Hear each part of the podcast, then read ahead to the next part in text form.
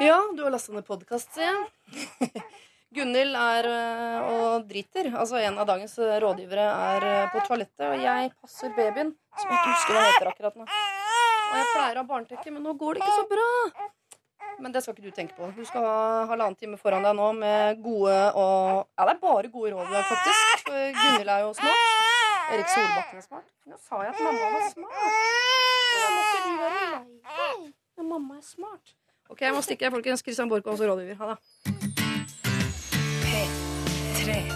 Dette er Lørdagsrådet med Siri Kristiansen. på P3. P3. Skibbidi-bap-bap, deng, deng, deng. Jeg må le av R-City. Adam Levine, Locked Away, som vi har hørt innledningsvis her i disse tre nydelige timene vi skal ha sammen i Lørdagsrådet. Siri Kristiansen heter eh, jeg, og jeg tenkte jeg skulle fortelle deg at tre ganger i mitt liv har jeg vært hos eh, en eh, såkalt psykolog. Første gangen var jeg elleve år og veldig, veldig sint. Eneste jeg husker, var at jeg fikk i oppgave å tegne familien eh, min. Jeg tegnet meg selv uh, inni en isklump, men med et sånn uh, apparat som kunne tenne på ting. Og min far som en vedkubb. Altså, det var så mye symbolikk at jeg tror til og med psykologen kastet opp bitte litt inn i munnen, sendte det til Marit Larsen og ba henne skrive en låt om det med kassegitar. Altså, det var så emosjonelt og grusomt. Uh, og jeg gikk derfra. Eh, Og kom aldri tilbake dit, skal jeg innrømme. Før 30 år senere, nesten. Nei, ikke 30, så gammel er jeg ikke, men 20 år senere, da. Så var jeg også en ny psykolog her på NRK, en såkalt arbeidspsykolog. Eh, Men der ble jeg kasta ut etter 30 minutter. Hun mente jeg var for frisk til å være psykolog. Det eneste hun kunne fortelle meg, var at jeg tenker som en mann. Eh, Så tredje gang i mitt liv hvor jeg har vært hos en psykolog, var onsdag denne uken. Og det var en engangsgreie for å spare litt i forhold til et eh, indre mentalt prosjekt jeg har gående det neste året. Og han kunne fortelle meg noe veldig interessant. Han kunne fortelle meg at jeg nesten bare bruker hodet mitt. Hodet mitt har tatt over for hjertet, og jeg er visstnok redd for følelser. Og er, eh, grunnen til at dette fungerer, er at mitt hode jobber såpass iherdig at den har gjort jobben for to i veldig veldig mange år nå. Og straks jeg egentlig trenger hjertet, og, eh, så tar hodet over. Og går ikke det, ja, så går jeg ut av situasjonen, reiser et annet sted. Og det er ikke bra. Men jeg tror det er ganske vanlig. Jeg tror i og med at Hodet blir jo ikke lei seg sånn som hjertet blir. Det er mye bedre å bli skuffa i hodet enn å bli såra i hjertet. Eh, Men det er jo følelser som gjør oss til mennesker, og selv om det er ubehagelig, så er det jo alltid ekte, og det er ekstremt viktig. Så jeg har fått i oppgaven å anerkjenne følelsene mine, og det høres litt sånn murra røkelse ut for meg, men eh, det er det jo hodet mitt som forteller meg. Og jeg må vel bare innse at alle følelser er ikke klisjeer. Og hvorfor forteller jeg deg dette? Jo, fordi du nok dessverre kan komme til å bli et uh, tilfeldig offer for uh, dette det neste året. Og kanskje du ikke merker det. Kanskje det blir litt uh, svett og vanskelig, men kanskje, kanskje, kanskje det blir helt fantastisk. Dagen i dag blir i hvert fall fantastisk, det vet jeg. Sola skinner. Vi har tre timer sammen, du og jeg, fram til klokka tolv. Og vi skal ha med oss Christian Borch, Erik Solbakken og Gunhild Dahlberg. Så her er det bare å glede seg. Har du et problem du vil at vi skal eh, løse med hodene og hjertene våre, og kanskje magen og levra òg, så send det inn. lralfakrøll.nrk.no. Lørdagsrådet På P3. P3. Adele hørte vi der, altså Set Fire to the Rain, synger hun, blant annet. Eh, Jeg sitter her eh, alene for øyeblikket i Lørdagsrådet. Eh, Rådgiverne kommer snart og holder meg med selskap, og deg med selskap. Men før vi kommer dit, så skal vi rette blikket litt bakover. Tilbake til en periode her i Lørdagsrådet hvor jeg ikke var her. Ken Vasenius Nilsen var min vikar. Jeg vet ikke hva jeg dreiv med. Føda eller et eller annet. Antageligvis føda, ja. Det er jo det jeg driver med når jeg ikke er på jobb. Eh, han fikk inn et problem fra en som selv kalte seg for, for politisk korrekt kjerring. Hun skrev Jeg har cirka fått meg en ny kjæreste. Vi har holdt på noen måneder og har det veldig fint i lag, men vi har ennå ikke snakket om noen større temaer. Og det har kommet noen eh, små drypp innimellom som kan tyde på at vi politisk står et stykke fra hverandre. Jeg er feminist, venstreorientert, vil redde verden og takler dårlig intolerante mennesker. Jeg kan ikke tenke meg å være sammen med noen som ikke har samme holdninger og menneskesyn som meg. Jeg har prøvd det før, det gikk dårlig. Men hvordan finner jeg ut av dette før det har gått for langt? Han er ikke en som begynner å diskutere sånn uten videre, han er mer en sånn som sier hm, og så er det ikke noe mer. Hvordan får jeg han i tale? Hilsen eh, politisk korrekt kjerring. Ken hadde med seg Marion Ravn, Kaja Gunnufsen og Rune Gokstad på denne eh, Lørdagsrådet-sendingen, og de hadde følgende råd å gi. P3. Det er ikke det, er ikke det liksom, nødvendigvis det der politiske ståstedet som, som, Ja. som gjør at man, at man går fra hverandre. Nei. Men det er jo, ikke, det er jo, det er jo lurt å, å ha en sånn derre- ha en felles eh, plattform. Mm. Hvis man hvis du er Frp-er og RV-er, ja, ja, nei, da er det kanskje en del ting som gjør, gjør det litt vrient, i hvert fall. Det er også at det er sånn grunnverdier som er viktig. At man ser på verden litt likt. Hun lurer jo også på hvordan hun skal få lokket ham ut. Altså Ja. hvordan hun skal få Ja. lirka det ut av han. Altså, Rødvin er jo egentlig en veldig god idé. Eh, Absolutt. og så Kanskje Aftenposten ligger på bordet, du sitter og leser Aftenposten, da, og så sier du Ja, hva syns du om dette? Ja. Og Litt mer sånn konkret, da. Men hvis han er en person som kanskje ikke bryr seg så veldig, da. Han bare Ja, jeg har det fint, og alt er bra. Mm. Så er jo spørsmålet om det er et problem, da. Om hun syns Ja. det er kjedelig òg, eller om hun kanskje bare kan påvirke han og dytte på sine egne meninger på han. da. Dette er Lørdagsrådet På P3. P3. Veldig mange fine råd, men det var noe som mangla. Meg! Neida. Det der gikk så fint. Eh, Vi har fått tilbakemelding, eller en ny mail, fra denne lykkelig politisk korrekte kjerringa. Hun skriver eh, Beklager at jeg eh, sender tilbakemelding så sent. Jeg husker ikke helt om jeg brukte rådene deres, for å være ærlig, men jeg klarte i hvert fall å eh, komme inn på kommunepolitikk uka etter at dere hjalp meg. Han uttrykte at han ikke likte det partiet som satt i hjemkommunen hans nå for tida, men eh, at nok venstresida kom til makta igjen ved neste valg, noe de for så vidt ikke gjorde. Vi tok forholdssamtalen samme kveld, og etter det har vi vært sammen og hatt det superfint! Han har sluttet å si hm, nå snakker vi om alt, og samboere har vi også blitt. Hilsen lykkelig politisk korrekt, korrekt kjerring. Ah, Ser du hvordan det kan gå? Eh, altså, eh, her sitter vi eh, med en bøtte hver fulle av gode råd som gjør at ditt liv kan bli veldig, veldig mye bedre. Dette er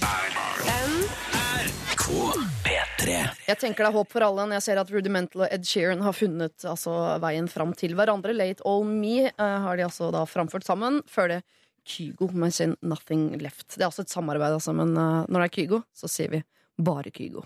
Eh, god morgen til dagens eh, rådgivere. Erik. Solbakken, Kristian Christian Borch, Gunhild Dahlberg. God. Hei, hei. Gunhild Dahlberg, du er heller ikke alene i dag. Nei, jeg har med Erlend Alfsnes. Det er veldig hyggelig. Hvor gammel er uh, bitte lille barnet med deg? Hvor gammel er du? To måneder. To måneder, ja. Det er litt tidlig å begynne å prate, men det har vært veldig gøy hvis uh, han sa sitt første ord her i Lørdagsrådet. må jeg innrømme. Ja, det vært kjempegøy. Dere, eh, jeg tenkte i dag skulle vi starte Lørdagsrådet med at dere bare snakker litt sånn løst om hvilket forhold dere har til høsten, og så følger jeg opp med noen standardspørsmål etter hvert. Ja, jeg kan jo begynne å synes, synes eh, høsten er veldig fin. Ja. I år har jeg gått litt glipp av det som jeg liker best med høsten, og det er eh, kveldsstemningen når det er sånn deilig frisk temperatur. Mm. For nå sitter jeg jo inne med puppene ute Ja. og går glipp av den deilige høstkvelden. Og så er jeg veldig glad, glad i å gå på slang. Og får heller ikke fått gjort så mye, for det må man gjøre når det er mørkt. ja, Og da er jo du puppene ute. Yes. Og da syns jeg ekstra godt, for de er veldig hvite. Da har vi tatt på epleslang med puppene ute. Det er så, mye skam i det. Og da har man ikke noen genser å gjemme eplene i heller, ikke sant? når man flyr rundt i bare overkropp. Nei, men får plass til en del gode epler i en uh, gammel uh, amme-BH, har jeg hørt. Ikke se på meg. Nei, jeg vet ikke, men har, du har vel en uh, Ja, rett altså, rundt det, hjørnet, du òg? eh, høst er jo fint. det. Jeg har ett problem i år, og det er at jeg har eh, Jeg liker veldig godt luftige joggesko. Ja. Så jeg har uh, i løpet av de siste tre Nei, altså det her er eh, Altså, jeg kan ikke si merke, Ja. Men det er Nike. Og de har veldig, veldig sånne luftige Sånn at du, du, sånn du Mesh, har Ja, er det det det heter? Mm. Ja. Så jeg har da brukt to-tre år på å liksom gjøre om hele den lille skogarderoben min fra liksom tilfeldige sko her og der til nesten bare sånne luftige joggesko. Ja. Og nå har jeg et problem, fordi det blir fort veldig kaldt, og det skal ikke veldig mye regn til før det bare er, før det er gjennomvått. Mm. Så det er bare for å få frem eh, noen store problemer. Ja, Jeg, tipper jo at Lørdagsrådets lyttere nå tenker 'hold kjeft'. Verden er så mye vanskeligere enn det Men Du sitter med armene i kors i dag, så det her blir en eh, Ja, nei, Hvorfor gjør du det egentlig? Nei, det skal ikke gjøre. Jeg skal ikke gjøre det. Jeg skal ikke gjøre det. Du da, Christian? Er du, Nei, er det noen du jakter og spiser fårikål og koser deg, du? Nei, jeg gjør ikke det, men jeg bare liksom ble litt fascinert av å høre på Erik her. Han hørtes ut som Norges svar på Imelda Marco, som hadde hvor mye var det, 14 000 par sko eller noe sånt. Det var Linet oppover. Ikke alle var hullete, men det var nå det. Men eh, altså, apropos det der med epleslang, og, eller slang i det hele tatt. Jeg leste i Dagbladet i dag om en elg som hadde vært på epleslang rundt i nabohagene på Holmenkollen og blitt full som ei alke fordi de var begynt å gjære alle sammen. Så Ja. der har du en mulighet, altså. Det er stadig Hva gjør en full elg? Stadig håp i de hengende epler. Eh, jeg vet, ja, Den satte seg ned under treet og begynte å synge. Tror jeg, mer eller mindre, sånn, liksom, liksom, med forbena på bakbena og et salig uttrykk i ansiktet og vugget på. Jo, jeg liker røsten, jeg. Jeg liker røsten, jeg. Jeg går ikke på jakt, nei. Går du ikke på jakt? Jeg har gått på jakt. Jeg likte det ikke. Nei, for du, er, du har jo motorsykkel Det er så mye, det er så mye jakt over deg. på en måte ja, Det hadde glidd så fint inn i den private CV-en din.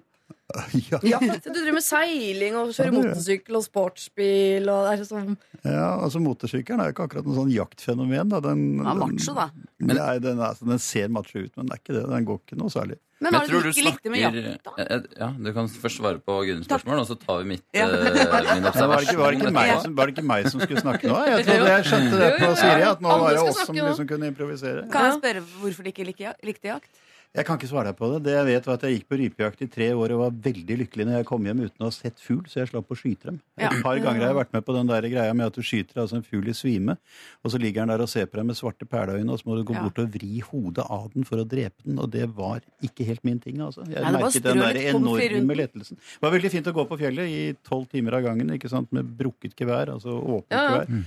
Men eh, det der å slippe å måtte slå det sammen og så skyte etter fugl, det kjente jeg plutselig var altså såpass mye av en lettelse at jeg skjønte at dette var ikke min verden. Men jeg tror også det er eh, ikke din verden av en annen grunn òg. Fordi sånne jaktlag de, de er jo helt stille på Ja, dagtid. de, Møkkakjedelig. går, ja, de går tolv timer uten å snakke. Og da ser jeg for meg at uh, for Christians del så er det sånn Oi, se der ser vi en uh, blåbær. Den er frossen. Det vet vi at den kan være frossen i opptil syv timer før ja, den mister smaken. det var Erik, det der. Det var før. Det var før, det var før det var den gangen da jeg trodde at man bare kunne klare seg med hodet. det, ikke sant? Og bare kunne tenke. Men nå har jeg jo etter et langt liv lært at du er nødt til å leve i en symbiose mellom dine følelser og din hjerne. Hvor lærte du det? Det høres så smart ut. Hvem har sagt det? Det var en psykolog jeg traff en gang. Oh, ja. Har du hørt det før? Ja, Jeg har hørt det ganske nylig eh, komme ut av min egen munn. det var det jeg mente. Eh, ja. Men dere, eh, vi må ta en runde på sivilstatus. Det gjør vi alltid. En Ting skjer jo, det har vi jo levende eksempler på her i dette rommet. Så la oss starte med deg, Gunhild. Sivilstatus for tida? Ja, fortsatt sammen med Christian. Mm. Eh, Selv etter at vi har fått to barn. Vi har ikke gått fra hverandre enda. Fortsatt ugift. Mm. Flytta. har hatt- Har du Vi har flytta? ja. Ja. Det har vi gjort. Bor i pappesker. Det har vi gjort siden juli, fordi nå har jeg to barn, så rekker vi ikke å pakke ut. Og når klokka er åtte, når eldste barna har lagt seg, så er vi så trøtte at vi ikke orker å pakke ut. Så hvis noen vil komme og pakke ut av pappesker, kom hjem til oss. Jeg elsker å pakke ut av pappesker jeg gjør det, det er sant. Jeg tar på meg, tar på meg den. Uh, uh, hva med deg, eh, Erik? Jo, det er Jeg er fortsatt gift, Ja. Uh, men så får jeg barn nummer to nå eh, i løpet av oktober. Ja. Forhåpentligvis. To er ti, vet du, som de sier. Hva var det sa- hva var det samme, Erik? Du sa 'jeg er fortsatt gift, men jeg får det andre barnet om to Ja, jeg Altså- føler at Det er lov til å putte på en menn der, Ja. fordi det en er én og to er ti. Du vet det. Det er bare tull. Jeg mener at én er åtte, og to er ti. Ja. Mm. Hva med deg, eh, Kristian? Det er som- ingen, ingen forandring i forhold til når jeg tror jeg var her sist, hvis jeg kan huske riktig. Ja, jeg tror Det svar godt nok, det. Fortsatt kjæreste, eh, bor i leil samme leiligheten som før. Ja. Ikke noen nye motoriserte kjøretøyer, verken ut eller inn av eh, Hadde jeg motorsykkel da jeg var her sist? Ja. da er ikke noen nye motoriserte kjøretøy. nei. Men du sier motorsykkel, men er det ikke en 125 kubikk? Er ikke det motorsykkel, da? Det er jo en lett motorsykkel. Det Det er vel, er en lett motorsykkel, men det er, nei, altså, den er tung. Ja, er Den er to- altså lett, men tung. Motoren er lett, men sykkelen er tung. Og det er altså vakt endt med visse prøvelser. ja, ok. Ja, jeg ville bare ha det fram i Den ser ut som det er en Harley Davidson 1500 kubikk omtrent, og høres litt sånn ut. Og det tror jeg er tilsiktet fra Honda-fabrikken som har laget den. Ja. Så den er, eh, ja, den, er, den utgir seg for å være betydelig mer enn den er, for å si det sånn. Men den er ganske hyggelig og passer bra for meg, for jeg har aldri kjørt motorsykkel før. Før jeg fikk denne. Jeg skal ikke si noe. Jeg kjører rundt på en kinesisk Vespa, så Er den den skal jeg selge. Ja, den er trimma, ja. Jeg trodde, du, jeg trodde du hadde skaffet deg toseters sportsbil ja, etter at du har byttet liv med meg for et år siden, eller når det var. Nei, men jeg vurderer å kjøpe meg en motorsykkel, ja. Men jeg har ikke lappen. Men jeg tenker at er det noen som sjekker det, egentlig? Nei, det er ingen som sjekker det. Men Jeg eh, syns ikke du skal kjøre motorsykkel. Det Å, nei. er, det er veldig farlig. Å ja, men jeg skal ikke kjøre- Vespa, for de går, jeg har Vespa sjøl. Ja. Men det jeg gjorde feil, jeg kjøpte også Vespa-hjelm. Ja. Og den, Ble for den mye. er giga... Nei, at det ser ut som jeg har det største hodet i hele Oslo. For det, den er så polstra på sida. Så det er, jeg er som en sånn Hvis du, altså, hvis du sett, liksom, eh, tatt turen til Mars, da, Ja, så har du sett den kinesiske mur, så setter du litt sånn knappenålshode der nede et sted. Og det er meg som kjører rundt. Har den prikken som beveger seg i ganske hurtig tempo rundt seg oppå Nordkalotten? Ser ut, ser ut som en statist i Star Wars, altså. En eller annen sånn extraterrestrial. Ja. Ja. Den der er jo, ja. Dere, Det er hyggelig å ha dere her, eh, alle sammen. Vi skal løse problemer nå fram til eh, klokka blir eh, tolv. Så hvis du som hører på vil sende inn et problem, så gjør du det. Adressen er lralfakrøll.nrk.no.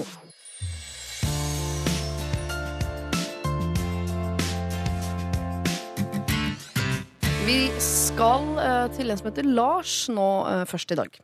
Jeg trenger råd på hvordan jeg skal gå fram i et lite problem jeg har viklet meg inn i. Jeg jobber i en eh, bank, eh, eller innen bank og forsikring, og har vært ansatt her ganske kort tid. Jeg var ferdig utdanna i 2014, eh, og her jeg jobber, bedriver vi mye kredittsjekk på privatpersoner i selskapet. Så vi har tilgang på registeret med disse opplysningene osv. Jeg var så dum at jeg trodde jeg kunne sjekke dette uten å notifisere personene. Dermed sjekket jeg svigerforeldre, venner, venners foreldre, familie, onkler og tanter. Jeg gikk rett og slett gjennom så å si alle jeg kjente. Plutselig ringer folk inn til bedriften og lurer på hvorfor i helvete vi har foretatt kredittvurdering på dem. Sjefen ser jo kjapt at det er mitt nummer som har foretatt disse kre- kredittvurderingene, og nå har jeg fått beskjed om å kontakte alle og forklare og beklage denne hendelsen. Hvordan går jeg fram her, lurer Lars på. Altså, hvordan sier man unnskyld til alle vennene sine for at man har snoket i livet deres? Det Lars må gjøre, han må rett og slett ta på seg en badebukse, Mm. ta på seg svømmebriller og stupe rett ut i den grandiose salaten som han har klart å lage helt sjøl. Herregud, så sykt pinlig. Men skal han legge seg helt flat Ja. på telefonen, eller kan han uh, gjøre det med humor? Ja, man må gjøre noe som Altså, fokus må bort eh, fra den klamme samtalen, tenker jeg. Og det er jo litt sånn Det er som i en valg, eh, valgkampanje. Så er det, Hva gjør alle de lokale ordførerne? Jo, de lager en eller annen dårlig video uh, utpå en båt uh, i baris eller et eller annet sånt. Ja. Prøv å finne på Nei, det går ikke an. du. Tenker rett og slett at det mentale bildet uh, prøver å male av badebukse og uh, uh, dykkerbriller, det bør gjøres i praksis. Og en grandios salat. Eh, Ja. En eller annen eh, ting du kan Så et lite filmkamera der. Ja. Det, det her er jo så utrolig driti ut av han Ja. at jeg finner ikke ord.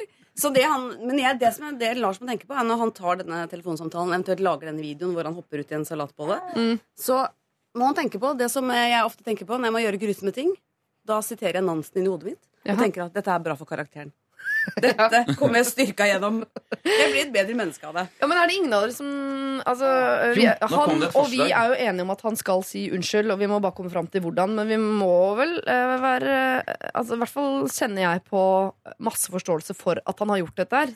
Jeg er enig at det er en salat, men har dere aldri et snokebehov? Og hvis plutselig muligheten hadde vært der, så hadde dere grepet den? Vi er jo journalist på yrket, så vi har jo gjort oss, stilt oss i en posisjon hvor vi kan snoke Ja. og få betalt for det.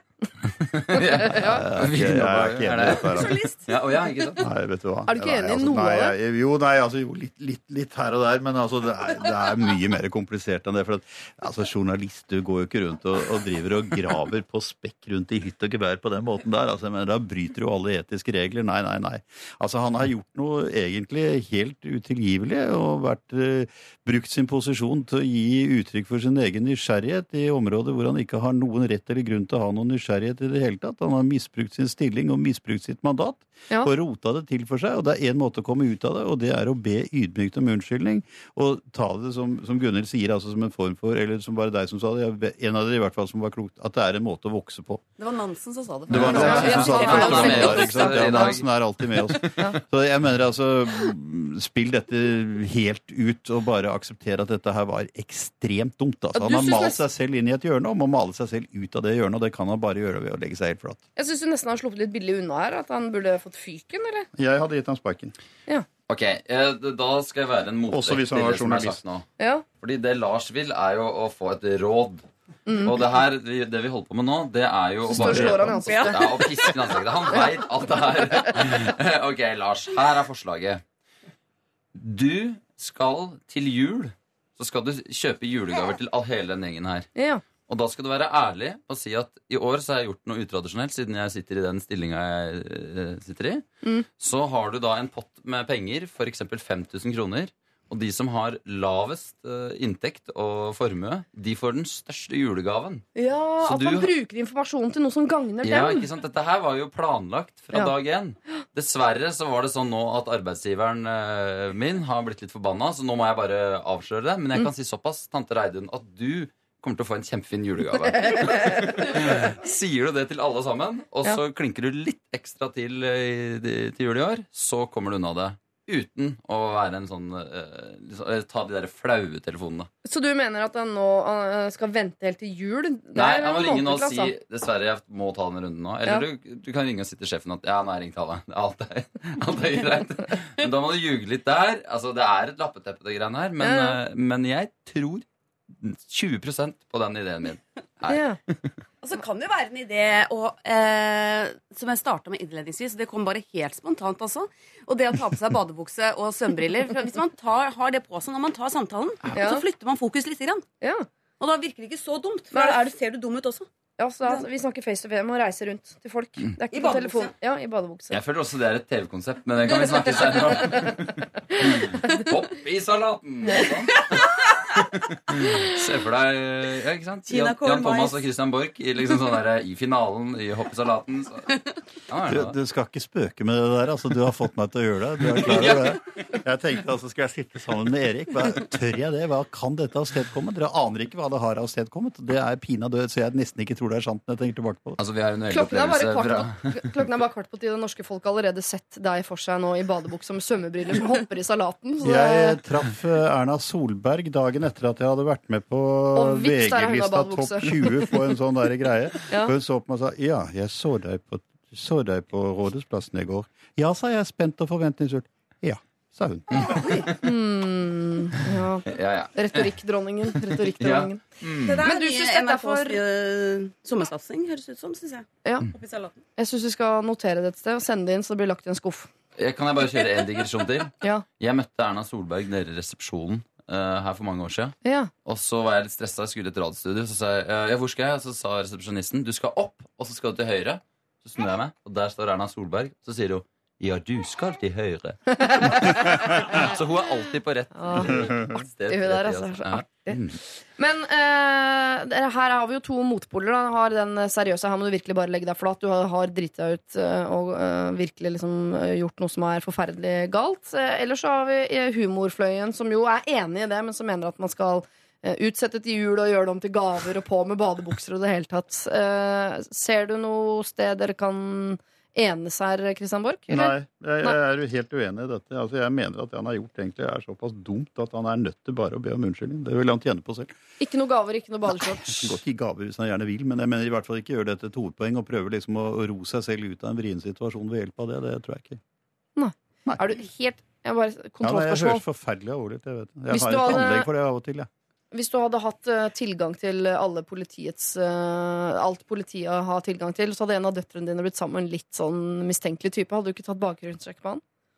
Det blir en hypotetisk problemstilling. Ja, ja, jeg elsker det. altså, han skulle vært ganske dubiøs for at jeg skulle gjort det, for å si det sånn. Jeg vet for mye Ja. om det å, å gå og tråkke over grensene for hva du kan drive med i denne bransjen jeg selv har tilhørt nå i 400 år, eller noe sånt, tror jeg det var. Så jeg ville ikke, vil ikke gjort det, nei. Nei, jeg ville ikke det. Ok, Lars. eh, Vi skal slutte å stå og slå deg i ansiktet, for det tipper jeg du har gjort eh, selv allerede. Og sjefen din har gjort det, og eh, tanta di kommer til å gjøre det, og dama di og foreldra til dama di, og alle kommer til å gjøre det nå i tiden som kommer. Du må jo si unnskyld, som du sier det selv.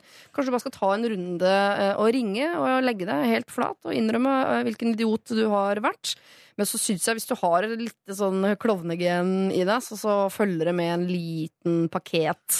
om det blir til jul eller om det blir før jul, det velger du selv. Men gave ut ifra inntekt syns jeg er en meget, meget god eh, idé. Lykke til, eh, Lars.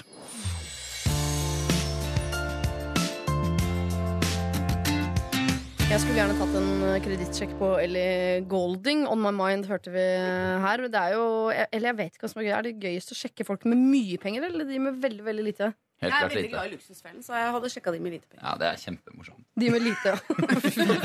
Fråtsete og snokete gjeng vi har her i dag. Heldigvis har vi med oss eh, moralens vokter. Christian Borch også. Kan jeg få det skriftlig? Det kan alltid få skriftlig. Jeg kan tatovere det hvis du vil. Eh, Kjære Lørdagsrådet, står det her. Jeg har vokst opp med en stemor som har vært sjalu på min mor og tatt det ut på meg. Hun har vært manipulerende og til tider rett og slett ondskapsfull, mens faren min han har sunket ned bak en avis og latet som ingenting.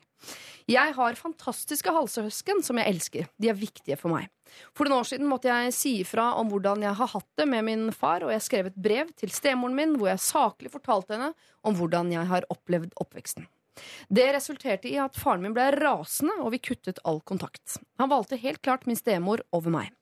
Det må jeg bare leve med. Likevel har jeg villet være en del av familien på farssiden. De siste, de siste årene har jeg blitt ekskludert fra alle familiebegivenheter. Jeg var ikke invitert i noen av mine søskenes eh, konfirmasjoner, og det var veldig sårt. Jeg har gått til psykolog i perioder hvor jeg har vært eh, deprimert og følt på min egen selvfølelse. Den har vært i minus flere ganger. Jeg vet at min stemor har snakket stygt om meg til mine halvsøsken i flere år. Så lavt ønsker ikke jeg å synke. De få gangene jeg har møtt faren min igjen sammen med stemor, har han oversett meg og gått de gangene jeg har satt meg ned ved siden av han. Det vi hadde sammen når jeg var liten, kan ikke repareres. Min lillesøster ble 18 år i sommer, og jeg har lovet henne at vi skal ha en hel helg sammen i bursdagsgave til henne. Hele veien har jeg tenkt at jeg ikke skal snakke med mine søsken om hvordan jeg har hatt det før de blir voksne.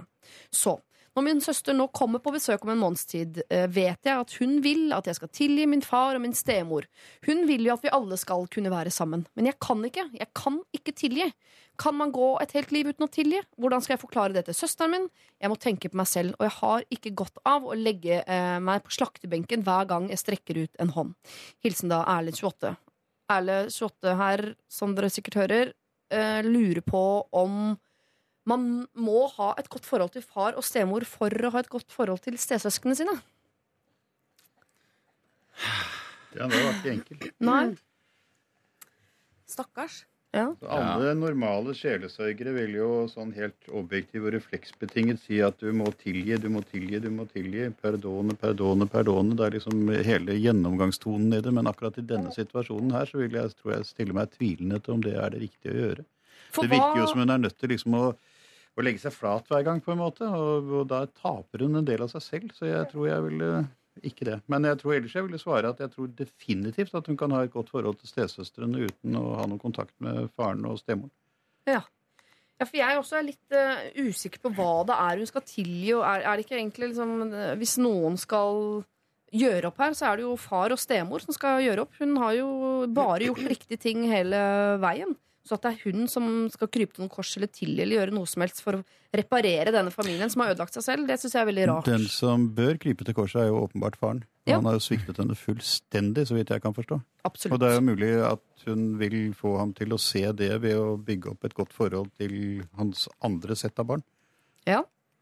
Så, eh, så langt så syns jeg jeg hører at hun trenger ikke nødvendigvis å ha så veldig godt forhold til faren sin for å bevare go- det gode forholdet til søsknene sine, men de trenger kanskje en forklaring på ting, eller Men så må du også spørre seg ok, eh, Er det et godt forhold til far og ond stemor man trenger?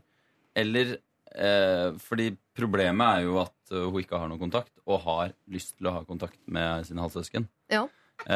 Så, så jeg tror vi alle er enige om at det høres jo helt crazy ut med, med faren og, og stemora. Ja. Når han går altså Det er så usaklig. Det er, det er ikke på en måte Jeg tror ikke den uh, saken her har uendelig mange sider. Nei. Men så må jo da Erle spørre seg sjøl om ok, skal jeg gå uh, de neste 40 åra uten å ha kontakt med dem? Og ikke få muligheten til å ha kontakt med mine halvsøsken? Eller skal jeg på en måte bare uh, forsone meg med at min far og stemor er noen kjipe folk, men hvis jeg legger, legger ballen død og kryper til dem nok en gang, mm. så kanskje det kan åpne opp for at du kan få et godt forhold til uh, halvsøsknene dine. Jeg veit ikke. Det er, det, er, det er litt to onder. Ja, eh, men jeg tror også et problem her som må løses, er at disse to uh, søsknene som hun har hvor Jeg, jeg innbiller meg at den eldste er 18, i og med at det snakkes om konfirmasjoner og sånn, så tror jeg det er yngre søsken. Eh, eh, de har jo et godt forhold til sin mor og til sin far, og de ser jo ikke disse monstrene som Erle ser. Så de trenger jo en forklaring på hvorfor Erle ikke vil ha noe med eh, disse menneskene å gjøre. Men det er litt mer kanskje å være enig om at man kan være uenig, ja. Og at hun trenger ikke nødvendigvis å henge noe med faren sin og stemora si. Men eh, Eh, Ikke henge med dem, men jeg tror ikke i og for seg en behøver å bry seg om de yngre søsknene heller. fordi at eh, her er det snakk om å bygge opp et naturlig godt forhold til den ene av dem. Og gjennom det gode forholdet antagelig vil du få en spin-off-effekt som kommer til å omfatte de andre. Det behøver egentlig heller slett ikke problematisere dette forholdet til faren og stemoren overfor de yngre, for dette vil komme og kan komme, og de kan også bli sant, den broen inn til faren som det kanskje er ønskelig og nødvendig å etablere på et eller annet tidspunkt, uten at du bruker hodet holdt jeg på å si, og resonnerer deg frem til en taktikk. altså. Men hun sier jo eh, 28 år her, sier at når hun får sin 18 år gamle lillesøster på besøk, så vet hun at hun kommer til å si at hun vil at Erle skal tilgi sin far og sin stemor. Da må hun jo svare på det, eh, om ikke annet. Om eh, enten nei, det kommer jeg ikke til å gjøre, eller ja, det kommer jeg til å gjøre, og hvorfor ikke, eller hvorfor, osv. Jeg syns det virker som hun Erla har eh, strekt seg ganske langt eh, allerede. Så jeg tenker at eh, hvis, hvis jeg hadde vært henne, så tror jeg hadde bare lagt til foreldrene Bare parkere de, og parkere den sorgen eller den følelsen i forhold til de. Og så når de igjen, kanskje om noen år, vil ta kontakt med henne, så kan de ta opp kontakten. Jeg vil ikke rota noe mer med de foreldrene. Og Nei. kanskje heller ikke Hun er 18, er hun liksom gammel nok Ja. til å Det er ikke hennes ansvar heller å begynne å bygge bro mellom onde stemor og den utrolig dottete faren. Nei. Men det kan Må det da satse også på å ha godt forhold til søsknene sine. Ja. Men når det er litt sånn uh, hun ønsker kontakt med søsknene Jeg leser jo litt mellom linjene at hun har jo lyst til å bli uh, venn med faren sin igjen. Ja, hun har i er hvert fall lyst til å bli en del av den familien. Hun ønsker å bli invitert på familiebegivenheter. Hun syns det er sårt å ikke få være i konfirmasjoner osv. Og, jeg tenker at eh, hvis hun skal ha et godt forhold til søsknene sine, så er hun nesten nødt til å se far og stemor innimellom. Nettopp fordi hvis man har et godt forhold til noen, så, så vil man vel på et eller annet tidspunkt feire jul sammen, eller bursdager eller konfirmasjoner, bryllup, alle de tingene der. Men jeg syns jeg er på riktig spor når vi snakker om å bare eh, virkelig liksom dyrke det forholdet til søsknene. For på et eller annet tidspunkt så dukker jo søsknene sitt behov opp for å ha Erle 28 i sitt bryllup. eh, i, i, på sin jul osv. Og, så og så blir de plutselig en gjeng mot far og stemor, som har eh, egentlig sittet liksom med veto på alle reglene fram til nå. Det var det jeg mente med en bro inn til faren. altså? At du bygger opp et normalt forhold basert på et uh, åpent, oppriktig følelsesforhold til søsknene. Så er det klart at det skaper en helt ny atmosfære for den eh, holdningen til faren. Altså en helt ny ramme rundt den. Men har hun, har hun noen gang prøvd å ta kontakt med faren og si Kan ikke vi møtes, bare vi to? Han går jo da når hun setter seg ned ved siden av han. Det er Men- jo et ganske tydelig tegn på at han ikke vil prate. Er det en fyr hun trenger i livet sitt? Nei, jeg Blir det bedre av å ha denne faren som går når hun kommer i livet sitt? Nei. Nei. Ha det Men bra, han- far. Men det hadde vært greit å kunne være i samme lokale. Ja. Tenker jeg at kan være greit, i hvert fall på sikt. Eh, kjære Erle, eh, jeg tror her at eh, du har strukket deg ganske langt allerede, som Gunhild eh, sier. Eh, og så må du fokusere på å ha et godt forhold til dine søsken. Kanskje først og fremst da denne lillesøsteren på 18 som snart kommer på besøk. Kanskje det at du har et godt forhold til henne, blir en brobygger inn til resten av familien på sikt. Kanskje dere en dag er en såpass eh, god søskenflokk at dere utgjør nemlig det at stemor og far ønsker å ha noe med dere å gjøre. Og så er det de som kommer krypende til korset. Det er de som må ønske å bli tilgitt. Og det er ikke du som nok en gang må legge deg selv på eh, slakterbenken. Lykke til, eh, Erle. Lørdagsrådet med Siri Kristiansen. På P3. P3. Er du en tulledanser, har du nok antagelig tulledanset til denne Last Night-låta eh, av og med The Strokes. Vi har hørt Nico Vince sammen Kidink og baby Rexa. That's how you know. Eh, kjære rådgivere, eh, vi skal eh, ut i et nytt problem. Vi rådgiver i dag er eh, Christian Borch. Burde jeg ser på Erik og sier Christian Borch. Nei, jeg synes det var stas. Ja, Erik Solbakken. Og Gunhild Dahlberg. nå, eh, til deg eh, som sitter og hører på, så driver jeg syker ut rådgiverne mine nå med å se på andre enn de jeg navngir. Bare for å gi et signal om hvem som faktisk er sjefen der. Eh, vi skal hjelpe Mia, som sitter med eh, det hun sier er et stort problem. Og det er det. Jeg er 20 år, og fram til forrige lørdag var jeg jomfru. Da var jeg på besøk hos en venninne, vi dro på byen, og når kvelden holdt på å ende, var det en hyggelig fyr som var interessert i meg. Jeg tenkte at nå må det skje. Jeg ble med han hjem, og det var fint, og han var veldig snill og trygg. Problemet kommer her. Når jeg skulle dra neste morgen, visste jeg ikke helt hvor jeg skulle gjøre av meg, og det hele endte med at jeg ikke turte å spørre hva hele navnet hans var. Jeg har prøvd å finne han på Facebook, men jeg finner han ikke. Han bor på hybel, så adressen hjelper meg heller ikke. Hva skal jeg gjøre? På den ene siden er jeg ikke sikker på om jeg vil se han igjen, men på den annen side så vil jeg gjerne vite hva han heter, i hvert fall. Og jeg går rundt og tenker på det hele tiden. Hjelp meg! Hilsen Mia. Altså, Mia vil finne han fyren her og lure på hvordan, men det jeg lurer på, er om, mer enn hvordan. Skal hun finne denne fyren som har altså gjort eh, at hun ikke lenger er jomfru? Jeg ser i hvert fall for meg at du ikke skal henge opp den plakaten med bilde av deg sjøl. Var det meg du rå med? Ring. oss for da kan du få på en måte, et bunnslam i, av det norske folk som ringer deg. Eh, hvorfor, hvorfor ta kontakt? Det var vel kanskje ikke så nødvendig, eller var det litt sånn en. Hva hadde du tenkt hvis det var du som hadde vært Nei, men nå, altså sånn uh, Hvis ikke du klarte å fokusere nok søndag morgen Hun var jo sjenert flau av å ligge med en fyr for første gang. Og da be om etternavn. Er du gæren? Det har jeg aldri gjort! Hvis han bare har kalt seg Magic Mike hele kvelden, så spør du ikke Magic Mike Johansen eller Christiansen eller Nei, det, det, Ja. det kan stemme, det. Altså. La meg høste noen, erfa- nå kan du høste erfaringen fra mitt lange og rike liv. Ja.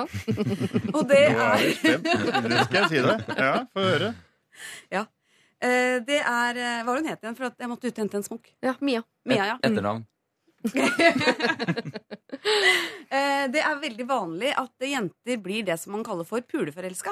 Ja. Og det er at man eh, ligger med en fyr, og så tror man at denne Fordi man har ligget med han, så tror man at dette her eh, er en, en, på en skala mellom en bra fyr til 'dette er mannen i mitt liv'. Mm. Og det er en sånn liten forelskelse den kan vare et par uker. Til du møter han igjen og tenker 'herregud, hva var det jeg tenkte på?' Og har jeg ligget med dette mennesket på toppen av det hele? Gud, så jævlig pinlig. Jeg angrer. Ja. Sånn at eh, jeg tror ikke hun trenger å rote deg borti han. eh, rote opp han. Hun er sikkert bare pulforelska. Ja, altså, det er finnes jo masse mer andre fyrer å ligge med. Se for deg, og Nå bruker du kanskje et halvt år, og så til slutt så finner hun Og da er det liksom Da er det fem minutter igjen av den romantiske komedien, og så er det bare sånn Hei, du. Ja, vi, det var stemme, det var vi som lå sammen. Og så er det en eh, helt gjennomsnittlig vanlig fyr. Kanskje. Og det fins tusen av de på dusinet, eller hva det heter. Mm. Og masse andre folk å ligge med. Ja. Ja, eh, altså Hun burde rett og slett bare ha fokus et annet sted. Jeg tror ikke hun går rundt nå på sånn kjempejakt etter flere å ligge med. Hun er ikke så bitt av basillen ennå, antagelig. Men uh, jeg, kan, jeg kjenner jo følelsen, og det jeg tror det er Jeg skal ikke påstå at det er uh, medisinsk bevist, men det er veldig vanlig for oss jenter å bli mer følelsesmessig engasjert etter et ligg enn det er for dere gutter. Og vi går og romantiserer det lenge etterpå, Fordi potensielt så er jo eggstokkene våre allerede i sving, og det der kan være faren og i det hele tatt. Så vi er jo helt ute å kjøre, vi. Fem minutter etterpå, og det varer helt til ja, to uker, da, for da vet man om, uh, om du har sånn løsskudd eller ikke. dybdebiologisk, dybdebiologisk dimensjon i hele prosjektet her. Ja, ja, ja. ja, ja. Det, er er Ja, ja, det er, tror jeg for en gangs skyld, for en gang skyld enig med flertallet her. Altså, jeg tror jeg ville gitt blaffen og gått videre i livet. Ja, Uh, hun har jo skaffet seg en viss form for frihet, på en måte, så hun har jo liksom noen muligheter for å utforske livet litt eh, her. Så hun har i hvert fall ikke tapt noe særlig på det, antagelig. Det det høres jo i hvert fall ikke sånn ut. Det ville jeg gjort, hvis det, for det var jo i 20-åra, og det, hun følte at det hadde gått litt tid. Mm. Jeg ville gjort sånn som du gjør på film, at du finner en høy bygning, og så går du helt på toppen av takterrassen, mm. og så roper du ut 'Jeg har pult!' Altså, sånn. det, det, tror jeg, det, det tror jeg gir en veldig god følelse. ja. Og kanskje da kommer du over han fyren. Men forutsatt at det ikke er noen som hører på, ja? Altså at hun da står så høyt oppe at hun blåser Ja, den så må det være setningen sol og litt sånn vind i håret og sånt. Da, Ja, så må du liksom Kan det foregå på et skip? Er, det- altså, for jeg, det er nå er tida for å ta danskebåten. Hvis du klarer å klatre opp på skorsteinen, eksempel. Stå Ja. på taket av broen eller noe sånt. Eller i baugen. Men hun, altså nå har dere svart på mitt spørsmål, som er om hun skal kontakte han. Og der høres det ut som svaret er et ganske rungende nei. Du er eh, for første gang i ditt liv eh, det vi kaller for puleforelsket. Og det går over straks eggstokkene dine slår seg til ro med at ikke det har skjedd noe der nede. Eh, men eh, du er jo betatt av den fyren her. Altså I hodet ditt er du jo det nå, og lurer på om du skal finne denne fyren, i så fall hvordan. Vi kan jo ta en liten runde på hvordan finner man en fyr man bare har fornavnet på. Da, hvis det er noen som har noen triks oppi ermet der. Dere er jo journalister hele gjengen. Ja. Da, Dette kan, er det er et program ute på NRK som heter Tore på sporet. Ja. Eller het det før. Og Tore på sporet han har jo egentlig sagt opp i NRK, men skal fortsette å lage. Men så er det jo kanskje litt eh, tynt med sånn familiegjenforening i saker. Så kan du kanskje ringe Tore på sporet. Han er god på research. Finne folk man har ligget med. Tenk deg Magic Mike som har ligget med en eller annen, og så, så kommer Tore på sporet noen uker etterpå med en anmeldt hund. Og i det hele tatt, da hadde jeg blitt stressa. Men jeg ser for meg hva jeg kommer til å ligge med mange i åra som kommer, og så kommer Hore på sporet, hvor du skal finne alle. Sa du hore på sporet? Nei, jeg ikke. Jeg sa Han Tore. sa det, jeg hørte det. Han sa det, han. Nei, altså det er jo ganske det, det er jo bare å begynne å tenke på kvelden og se for seg alle som var rundt. øh, og, og så ringer hun Saga Norén i kriminalpolitiet i Malmö. Og hun finner ut av det med en gang. Det er vanskelig, men det er litt sånn tilfeldig slump. Plutselig så kommer du på en eller annen ting han sa, den kom, hvor han kommer fra. Det er jo bare å begynne å Hvor han jobber. Mm. Ja, men jeg tror du Ja, på det? nei, Nei, dra altså- til der han bor. da Husker du ikke hvor han bor? Og jeg ringer på. Hei, hva er det du heter etter han, egentlig? Ja, men Var du hjemme hos han? Jeg har gjort Ja. det der. Ringe på sånn noen dager etterpå. Er, det, er, ja, det, er, fortell mer om det det. bringer ikke noe godt med seg, Nei. fordi det du har nå, det er et glorifisert inntrykk av det du har vært uh, gjennom. Og møter han igjen, så er sjansen 99% for at du blir skuffa. Kan du ikke heller bare kose deg med den nye følelsen du har i kroppen nå på det du har vært gjennom? Og så går den over etter hvert, men den er i hvert fall god når du ser tilbake på den, og du slipper å ha med det ekstra bildet av den gangen du sto utafor og ringte på han kom ut på verandaen og sier sånn ja, hva er det? Nei, ikke noe, bare lurt på hei og, og sånn. Og så er han sånn, jeg er litt opptatt her, og så hører du noen damer i bakgrunnen. Li, li, li, li. Ikke gidd å gå gjennom det. Bare kos deg med sånn som situasjonen er nå. Er Men du kan jo sjekke på Facebook, tipset, og da er det bare rett hjem. Få prøvd. Ja, har sjekka Facebook. Sjekka. Twitter, sjekka Insta, gjenskapt kvelden. Ja. Fyren altså det er, Er han kanskje, 90 år, eller er det Da må du i hvert fall gå videre. kanskje det bare var en illusjon. Ja. Du, eh, Mia, du vil finne denne eh, fyren. Du finner ikke denne fyren, men du finner eh, tusen på dusinet som er akkurat som denne fyren, antagelig. Så finn en av de, da. Herregud, nå er du i gang. Du skal kose deg de neste 100 årene. Han fyren der, han får bare eh, seile sin egen sjø.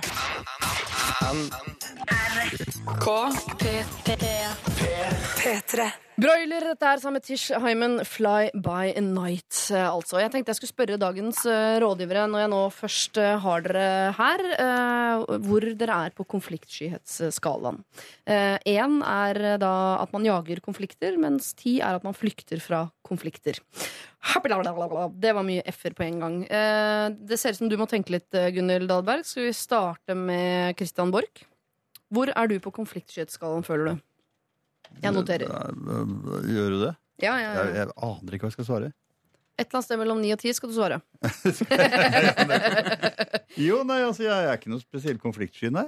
Nei. nei. Jeg liker konflikter, jeg, holdt jeg på å si. Det vil si, det gjør jeg jo ikke, men Nei, jeg har ikke noe. Jeg kan ikke si jeg er konfliktsky, nei. Men er det sånn, eh, Oppsøker du konflikter? Altså, Nei, Lager du konflikter bare for det er gøy å være i nødvendigvis. Men jeg håper å si konflikter er til for å løses. på en måte. Det er i hvert fall ikke noe vits å skyve dem under et teppe. for jeg mener, Ligger en konflikt der, så er det vel uttrykk for at det er et eller annet som bør på en måte opp i dagen. Hva syns du er vanskeligst? da? Sånn, konflikter på arbeidsplassen? Eller med familien? Eller eh, kjærlighetsfronten? Eller naboen? Eller hva Eller syns du? Eller, ja. Altså På arbeidsfronten for mitt vedkommende betyr konflikter mine indre konflikter. For det er, sant, jeg er min egen arbeidsgiver og helt fullstendig selvstendig for første gang i mitt liv. Ja. Så det er ikke noe å hete med, men det går jo an å ha konflikter i alle mulige andre retninger også. Jeg vet ikke, jeg, altså, Nei, jeg er ikke konfliktsky. Nei, nei. så fint. Da setter jeg deg på en Jeg kan ikke Eller? si mer enn det. Men Tre, det sier nok. Toer. Har du arkiv dere noterer deg, Siri? Ja, jeg noterer nå en toer på Christian. For hvis jeg er ener, da er du gæren, på en måte. Det... Det Ja, det er du jo. Men altså, jeg mener, hva, hva, hva skulle det bety? At jeg er konfliktsky, eller? Nei, toer, da er du veldig lite konfliktsky. Hvis du har vært en ener, da er du litt sånn er sånn Da ringer du på oss folk og sier Ja, så er du ikke epletrær? Og så skal du starte en Nå har jeg gått og irritert meg over den potetnesen din et langt liv. Nå må jeg bare si det til deg, liksom. Ja, Ja, nettopp. så det, jeg tror ikke du Nei, det var, der. det var litt i mestelaget. Ja, Da setter jeg en toer på deg. Eh, Erik Solbakken, Nei, det svinger jo, som uh, for folk flest. Kan være en toer, kan være en uh, tier. når er du en toer? Jeg ser ikke det helt for meg. La det Kom igjen, la det fortell. Det er eh, Kompiser eller mutter'n, eller? ja, kan- det kan det trigger, det tri, Familie trigger hjerne. Ja. Sånne eh, gamle ting fra, fra 12-13-årsalderen. Er det en sånn familie som på julaften tar opp ting, eh, grumser opp, og så skåler dere i portvin etterpå? Eh, ikke julaften. Den første juledag er en fin dag. Ja. For, men ikke, nei, det er ikke mye der. Men, eh, men eh, det er lett. Vi veit hvilke knapper å trykke på på en eller annen måte. Ja. For det er det som er med, med søsken og familie, at der skal det være lov å krangle. Med en gang du inngår eh, andre vennskap og, ekteskap og alle sånne ting, Ja. så, så kjenner du de knappene, for du veit hvilke du ikke skal trykke på på en eller annen måte. Ja. Så, men jeg vil nok si at jeg er vel ikke Jeg er vel mer en, eh, en sekser, tenker jeg. En sekser, ja. Ja, Flat du- sekser. Men du syns arbeidskonflikter er vanskeligere enn på hjemmefronten, du da, synes jeg hører.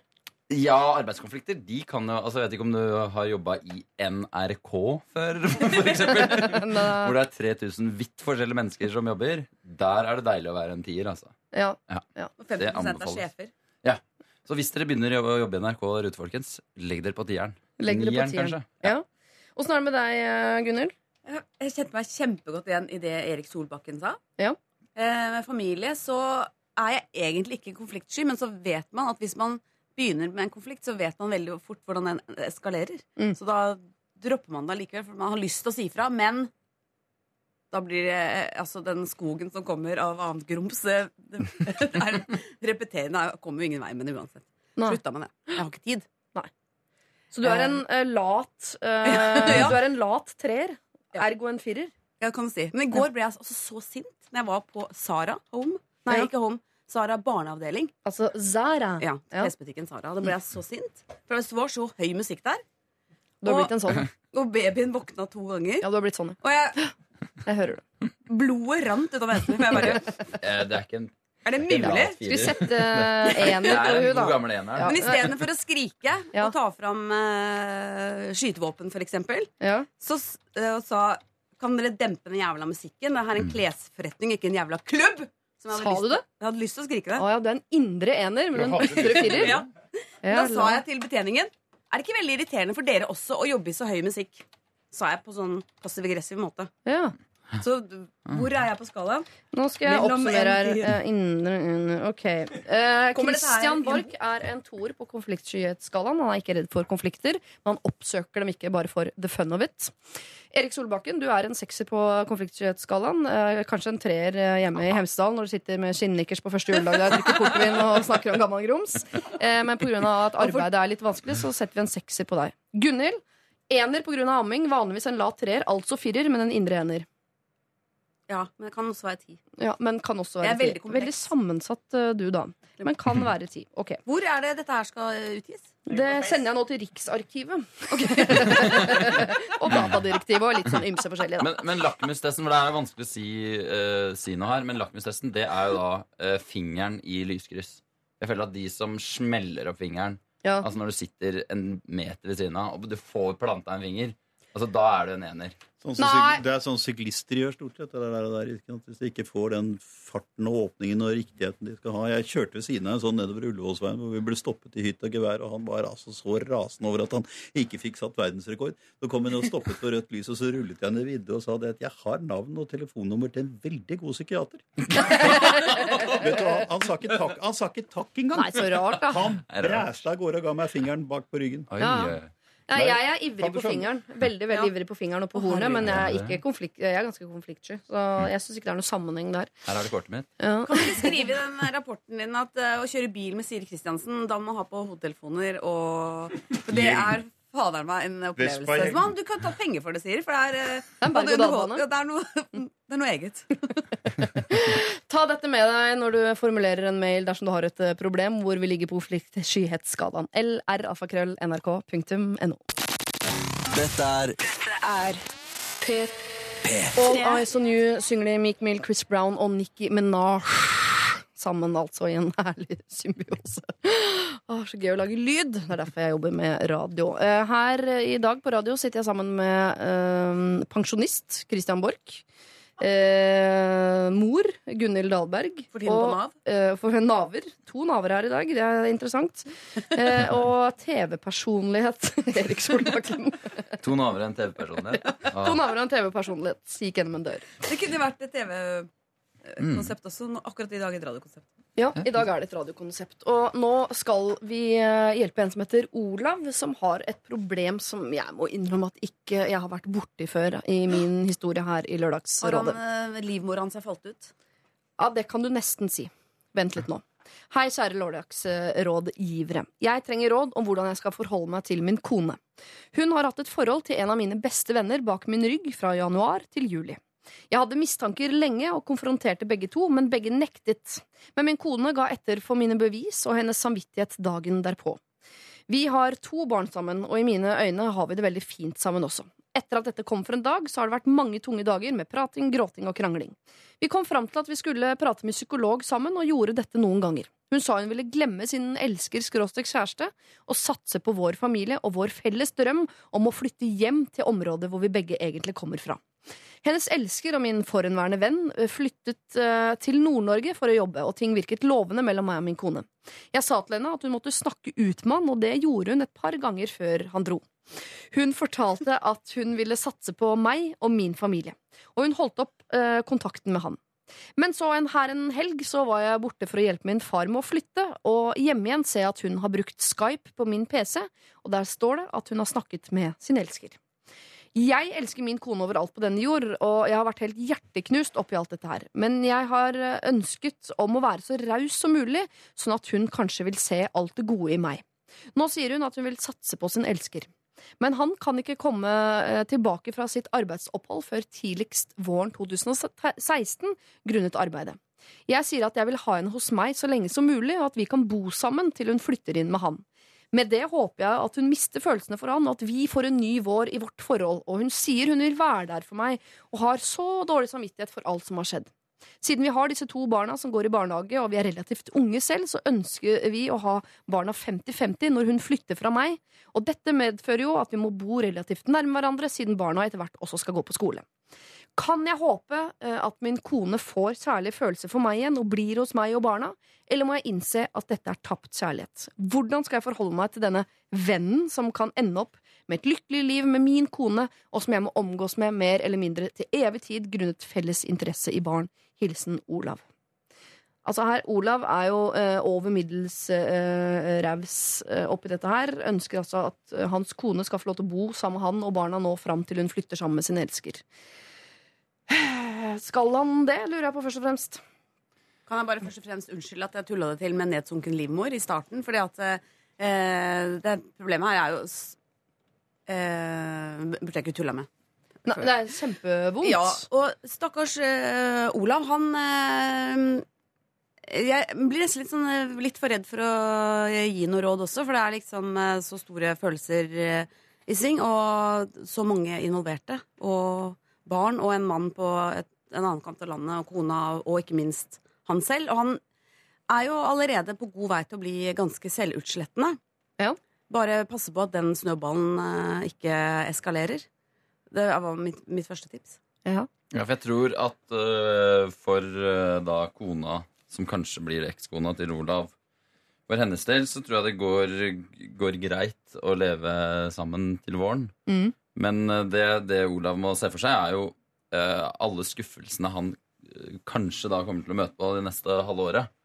Om, og hva det kommer til å gjøre med han. Fordi det øh, sannsynligheten for at øh, kona sier at nei, vet du hva, den påska her var så bra, så nå dropper jeg det andre prosjektet, den tror jeg er ganske liten. Han bør i hvert fall tenke at den er ganske liten, fordi hun har jo vært gjennom ganske, ganske store ting og, øh, og lova at hun ikke skulle ha noe mer med han å gjøre. Han flytter til Nord-Norge, men det høres ut som at hun har tatt et valg.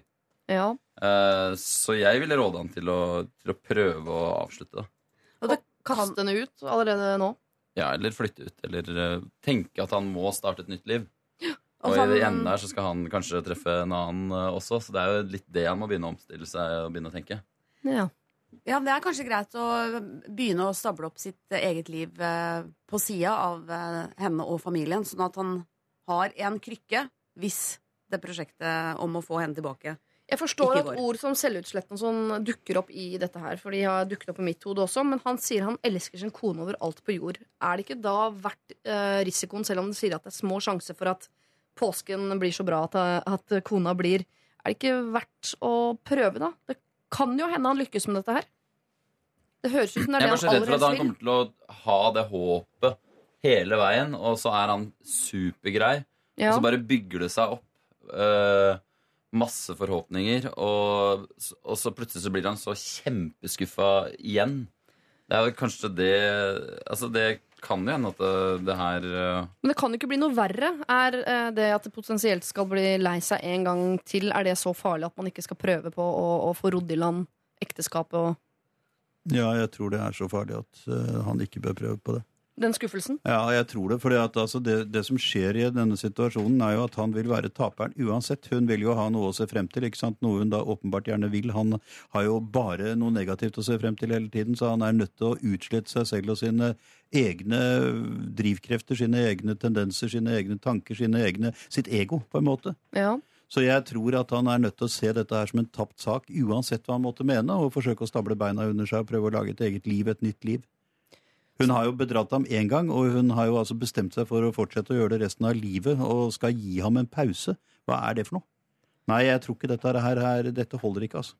Det gjør ikke det. Men det høres jo ut som denne kona her er eh, um, ikke helt stabil i hva hun velger og hva Jeg hun vil ikke gjør. si det, men jeg vil tro at jeg, altså sånn som hun har tedd seg foreløpig, så høres det jo ikke ut til at hun er noe å satse på. I det lange løp, uansett hva han måtte mene. Så det er vel spørsmål om ikke han gjør, gjør det mye bedre i å forsøke å rense opp i de følelsene han har for henne, og forstå at han er nødt til å begynne, begynne et nytt liv. Men han elsker henne over alt på jord. Hvor taktisk skal man være i kjærlighet? der? For det virker sånn Taktisk sett så burde han sikkert nå play hard to get, og kan bruke alle de ordene der. Men skal man være så taktisk i kjærlighet, eller kan man også innimellom bare være helt åpen om hvor Han kan jo fortsatt, altså, men, men det er ikke noe som sier du kan ikke styre din egen kjærlighet. Han kan ikke slutte å elske henne. Det er ikke det som er poenget. Nei. Men det er jo ikke kjærligheten du skal være taktisk i, men det er altså din praktiske måte å styre inn mot fremtiden på. Og det behøver ikke bety at du kaster vrak på følelsene nødvendigvis. Men det betyr at du er nødt til å ta et valg med hensyn til hvordan du gjør det ytre uh, i livet ditt. på en måte. Og det er klart at Han risikerer jo nå å gå til grunne han rent psykologisk på at han går med en slags dulgt forhåpning som all erfaring tilsier at er helt urealistisk. Og så kan det hende at det ikke det stopper til våren. Det er litt av det som er problemet hvis han nå tenker at ok, han har Dette er kvinnen i hans liv. Eh, nå har jeg fram til våren. Eh, og så blir det vår, og de flytter fra hverandre. Det kan hende det her fortsetter, at det blir en evig kamp om å få henne tilbake, og at hun blir uh, den perfekte kvinne jo lenger det her går. Uh, jeg tror kanskje det er litt sånn kaldt vann i ansiktet han trenger. At det er ikke den perfekte kvinne, og har bedratt ham flere ganger. Det kan hende at han blir enda lykkeligere med en, med en annen person der ute. Så heller bare bygge, men å ha et godt vennskap til, eh, til da det som kanskje blir den kommende ekskona. Det tror jeg er veldig bra. Så heller tenke Ja, tenke å begynne, å begynne å starte noe nytt tror jeg er bra. Men så alle dere tenker at hun uh, burde, uh, hvis hun har bestemt seg for å bli sammen med sin elsker uh, våren 2016, eh, så burde hun flytte ut allerede nå. Eller han flytter ut allerede nå. Altså, jeg, Eh, Iallfall eh, kanskje ikke akkurat på dagen, som, men, det, men at, det, at Jeg tror Olav, eh, hvis han skal ta vare på seg sjøl oppi den situasjonen her, som han burde gjøre hvis han skal ha Uansett om de skal bli sammen igjen, eller om han blir aleine, om han skal få ta vare på barna oppi der, så burde han begynne å tenke litt på seg selv, og hvordan, hvordan vil livet bli for meg framover. Det kan hende at jeg blir aleine, og det tror jeg han burde nå begynne å se for seg i en eh, Kanskje få seg en leilighet etter hvert. At de begynner å pakke ned tinga sine. At de flytter, at de tar liksom han, Kanskje han trenger en eh, kaldt vann i ansiktet, men det er spørsmålet er når han skal få det. For hvis han allerede nå er så selvutslettende og så forelska og tror at dette her skal funke, så er det å få den derre Unnskyld, eh, kaldt vann i ansiktet kan være litt eh, Kanskje allerede er for mye, da. At han må bare begynne kanskje å tenke, forestille seg, Ja. og gjøre noen, noen grep, da. Jeg tror jo at uansett om hun blir boende der, eller om de blir boende allerede nå om kort tid i hver sin leilighet, eller hvordan de løser opp det der, så kommer hans prosjekt om å få henne tilbake, det kommer ikke til å stoppe. Eh, men det kan nok hende Jeg syns også at de skal flytte fra hverandre nå, om ikke bare for hans sjelero eh, sin skyld, men for at det hun driver med, skal få noen konsekvenser. For hun, Det er jo ett menneske her som går rundt og gjør ting som ikke er greit, og det er jo kona. Og hun har gjort det gjentatte ganger, og hun har tenkt å fortsette med det, som Christian sier. Og så får det ingen konsekvenser. Hun får fortsette å bo hjemme sammen med mannen og barna og alt. Altså Det virker som hele verden rundt henne bare legger ting til rette for at hun skal få lov til å få i pose og sekk på alle mulige fronter. Og det merker jeg at det selv om du elsker kona di, så er det ingen mennesker som fortjener å kunne gjøre akkurat som de vil og fortsette å få i pose og sekk. Så uh, på en eller annen tidspunkt, den kalddusjen dere snakker om, tenker jeg at hun også burde få. Noe så innmari, og den bør være noe isbiter òg, den kalddusjen. Det Amen to that. vondt. Eh, smart sagt, altså. Du trenger Du er ikke å spørre så dum, du er- Du er ikke så dum, du. Nei. Det hender jeg er glimter til, altså. like, altså Akkurat nå syns jeg du er nesten like klok som oss. Tusen, tusen takk. Vær så god. Eh, Så hva sier vi da til deg, eh, Olav? Du lurer på veldig mye her, og du vil vel sikkert egentlig at vi skal si at dette ordner seg, hun kommer til å elske deg mest, for det er du som er den snilleste, osv. Dessverre så er det ikke sånn at vi mennesker elsker den snilleste bestandig, og det vi oftere trenger eh, enn vi får, er en kalddusj, som blir nevnt her flere ganger. Du trenger en liten kalddusj, men din kone trenger så absolutt en kalddusj. Jeg tror ikke det er fruktbart for noen at dere blir boende sammen nå, kanskje bortsett fra disse barna da, som vi har glemt oppi det hele. Det er, eh, det er lett uh, å gjøre, dessverre. Uh, de er små, uh, de kommer til å takle det, og jeg tror hvis dere skal finne ut av dette her, så trenger dere tid fra hverandre. Men det er ingen garanti for at det blir dere to igjen. Men det er en garanti for at dere to må ha noe med hverandre å gjøre resten av livet. Så eh, behandle med respekt på en eller annen måte allikevel. Dette er Lørdagsrådet På P3. P3. Eh, jeg vil egentlig spørre dere, bare sånn kjapt, eh, kjære rådgivere, om dere eh, hei, har dere et fotballag dere heier på? Ja, jeg heier på Aston Villa. Du heier på Aston Villa. Ja, det matcher bra med Lørdagsrådet, for der er det flere konflikter enn det er, enn det er bare glede. Og, Ja, men er du noen blodfan, liksom? Må se alle kamper og drar over en gang i kvartal og eh, ja, jeg er vel egentlig det. Altså. Ja, ok. Ja. Ja. Greit å vite. Kristian Borch, er du Jeg, jeg burde være fan av Brann, fordi min farfar var med på å stifte det i sin tid. Ja. Men jeg har altså det problemet at jeg har aldri skjønt hva det går ut på. han gjorde? Ja, Ja, Brann Stiftebrann. Bravo. Men jeg må innrømme at jeg har aldri forstått hva det spillet går ut på. Så jeg har altså ingen, Nei. absolutt ikke noe forhold til det. Det kan jeg forklare deg. Den ballen, den skal Jeg har ikke bedt deg om det. Jeg har, jeg har levet et langt liv i salig uvitenhet og kan godt tenke meg å fortsette med det noen årtier til. Ja. Da gjør vi det sammen. Gunhild Dahlberg, jeg trenger vel nesten ikke å spørre. Jeg ser vel ikke for meg at du har en sånn skjult kjempeinteresse for fotball. Nei, jeg hater eh, toppidrett spes generelt, og fotball spesielt. Ja, Du Ja. hater Toppidrett Å, ja. eh, generelt, og fotball, toppfotball ja spesielt. spesielt. Ok. Eh, Da blir det spennende å høre hva dere mener. Da føler jeg at vi har eh, Handler alle om fotball? parter eh, Da representert går i dette problemet. God morgen, Siri Kristian, Erik og Gunhild. Jeg begynner morgenen med å fortelle at jeg er fast Lørdagsrådet-lytter. eh, og det er hyggelig, det, altså. Jeg har et problem. Det har seg slik. Jeg er en mann på 26 år. Jeg er singel, eh, men jeg har en sønn som går i barnehage. Jeg og min eks har delt omsorg. Jeg er Liverpool-fan. Min eks er Manchester United-fan. Problemet er at det er ikke mulig å være fotballfan til to lag samtidig. Når jeg henter min sønn i barnehagen etter at han har vært hos sin mor, så har han på seg Manchester United-skjorte. Eller noe annet som viser at gutten er Manchester United-fan. Min eks vet selvfølgelig at dette er provoserende for meg, og at jeg river meg i håret hver eneste gang. Hun vet selvfølgelig hvor viktig det er for meg at det er Liverpool-gutt han skal bli. Jeg har utallige ganger prøvd å konfrontere henne, men får bare svada-svar tilbake. Hun gir rett og slett god, gammeldags faen. Fordi hun ikke bryr seg. Jeg vet innerst inne at det ikke betyr så mye for henne hvilket fotballag gutten skal holde med, men jeg tror nok hun bare gjør det for the fun of it. Hvordan skal jeg takle dette? Med vennlig hilsen Per Erik. Ja, Per Erik, først og fremst vil jeg si gratulerer med seieren over Aston Villa forrige helg. 3-2. Det var en morsom kamp. Eh, Når det kommer Det til. Jo, Ja. eh, men når det kommer til For jeg har faktisk tenkt over det sjøl. Altså Hvis man får barn som blir interessert i fotball, hvor mye skal du på en måte lede det inn mot ditt eget lag? Ja. Uh, Jeg tror du skal gå ut fra at barna dine må hvert innom Manchester United eller Liverpool før de finner Aston Villa. Altså, det kan nok hende det at du må, du må ha reist litt til eh, London og Berlin før du rører til et, et lite Kjedelig sted Hvor er har lyst til å være. Egentlig? Ja, Det er Birmingham. Det er en veldig stygg by. Ja, men egentlig den styggeste byen i Ja, Har du vært der? Ja. Har du vært der? Ja. Hva gjorde du i Birmingham? Ok, spar det til okay. kaffen etterpå. Men jeg tror at uh, han Jeg tror han må velge sjøl, jeg. Så du kan påvirke så godt du kan, kan det, men det kan ende opp med Chelsea. Det kan ende opp med ikke-fotball. Fordi det er det verste av alt. Det er hvis du nå pusher den i mange, mange år, og så viser det seg at Lille Knut er synkronsvømmer, han. ja, jeg, og pappa elsker Liverpool, og jeg har den derre Ja, yes, nå skal vi se Liverpool sammen. Men jeg liker ikke fotball, pappa. Altså, Den praten er jo den verste. Du Ja. må bare ha et litt mer eh, liberalt forhold til uh, hele den delen av oppveksten, og så får du bare se åssen det går. Men jeg tror uh, dette problemet her er nok uh, på en måte vondere enn det virker som i utgangspunktet. For her er det en far og en mor som har et veldig vanskelig forhold.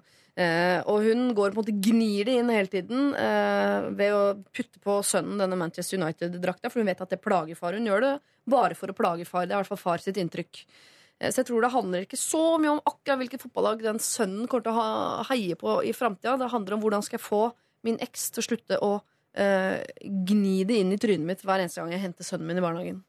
Men er, er det så nøye? Altså Hvis du har lyst til å ta igjen, så kan du jo på en måte gjøre noe med skjerf og sitte og sy, sånn at det blir eh, Sånn at det ikke står Manchester. At det, står, altså det er jo veldig lite som skal til før du har ødelagt et United-skjerf, f.eks. At det står Manfister Ja, United og sånn. Ja, Ja, og jeg hater ekskona mi med sånn Ja. bitte liten skrift. kasting Kosting eh, rett helt Men jeg, jeg tror ikke, og jeg har ikke møtt så mange folk som Når du ser uh, lille sønnen din, og så er det om det er et skjerf med United, så kan du bare kaste det. Altså, det er, jeg tror ikke Er det Du må bare kanskje stille deg det spørsmålet. Er det et problem? Skal du gjøre det til et kjempestort problem? Jeg tenker nei. Altså, Liverpool har flere utfordringer i, i seg sjøl om dagen, så du trenger ikke å liksom trekke inn sønnen din og ekskona. og alt. Jeg tror at noen ting er litt sånn Det her er litt sånn symbolsk Liverpool United. Jeg vil bare lagt den ballen død for å bare bruke den. Lagt den ballen død. Jeg hadde jo håpet at du som eneste med ordentlig sånn fotballinteresse i rommet her skulle være den som sto ordentlig på barrikadene for at dette her eh, er noe som må ordnes opp i. Da. For jeg regner ikke med at verken Christian eller Gunhild kommer til å, å nå bringe på banen og sånn. Jo, dette er viktig. Her må vi sørge for at gutten heier på samme lag som far. Jeg, Jeg Eller? må dessverre si at jeg altså, jeg tror personen som har sendt inn dette problemet, bør ta en liten runde med seg selv. Altså. Ja. Altså, Å gjøre dette til et problem på den dimensjonen, istedenfor å prøve å ta det med en viss sans for humor, det viser at hans hjerne er altså vasket omtrent tom av noe som er komplett idioti. Altså, han- dette er, her er, det er det noe av det dummeste jeg har hørt. Du, nå skrudde han av radioen. Han Ja, det kan godt være, men altså, det er ikke for å si noe stygt om ham i og for seg, men det er mer for liksom å prøve å, å, å dimensjonere dette riktig. Altså Hvis man har greid å skru seg så til de grader inn i menneskelige lojaliteter og problemer fordi man har en lojalitet til et fotballag på en øy ute i Nordsjøen Altså, For å si det sånn, men De definerer seg som en øy sjøl, så det er ikke så stygt sagt mot britene. dette her. Men altså, det er et eller annet her med dimensjonene som blir helt fullstendig skrudd. altså. Men jeg tenker eh, Jeg forstår at man ser problemet på den måten, men jeg har veldig hjerte for Per Erik her. eh, jeg tror egentlig ikke det handler om fotball for Per Erik i det hele tatt. Det handler om at her er det en eks som eh, Jo, jo. bruker en ganske sånn et billig triks Sier for å gå og, og knivstikke han litt grann i nyra hele tiden. Men at han da skal snuble og gå fem på? Jeg tror ja. liksom la det knytte seg opp mot dette og symboliseres ved hjelp av to fotballag.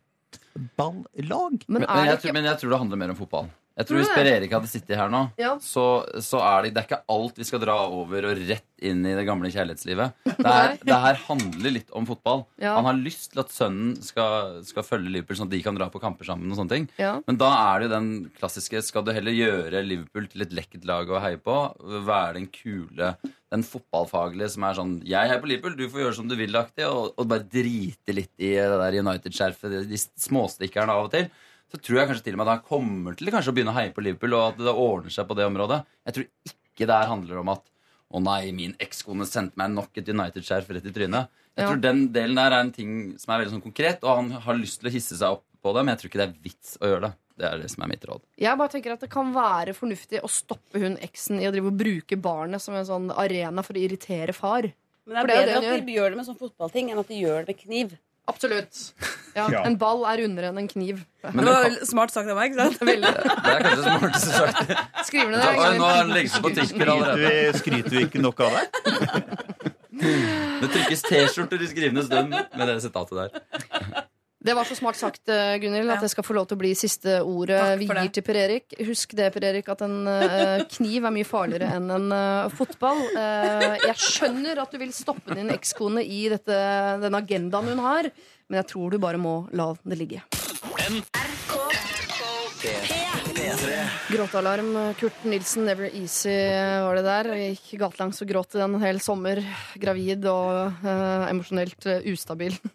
Er det Men sånn? det var hormonene ja, ja. dine. Det var ikke ikke, det var ikke musikken spesielt. Nei, men jeg gjør det fortsatt. Jeg kan ikke synge høyt til Never Easy Kurt Nilsen uten å begynne å grine på refrenget. Er du gæren? Har Er ikke sjans altså? i havet. Det er den og to andre låter som gjør det der med meg. Åh, nå ser jeg det glis til Kurt. Ja. Han er sånn, Ja, ja. Jeg har lykkes med noe i livet.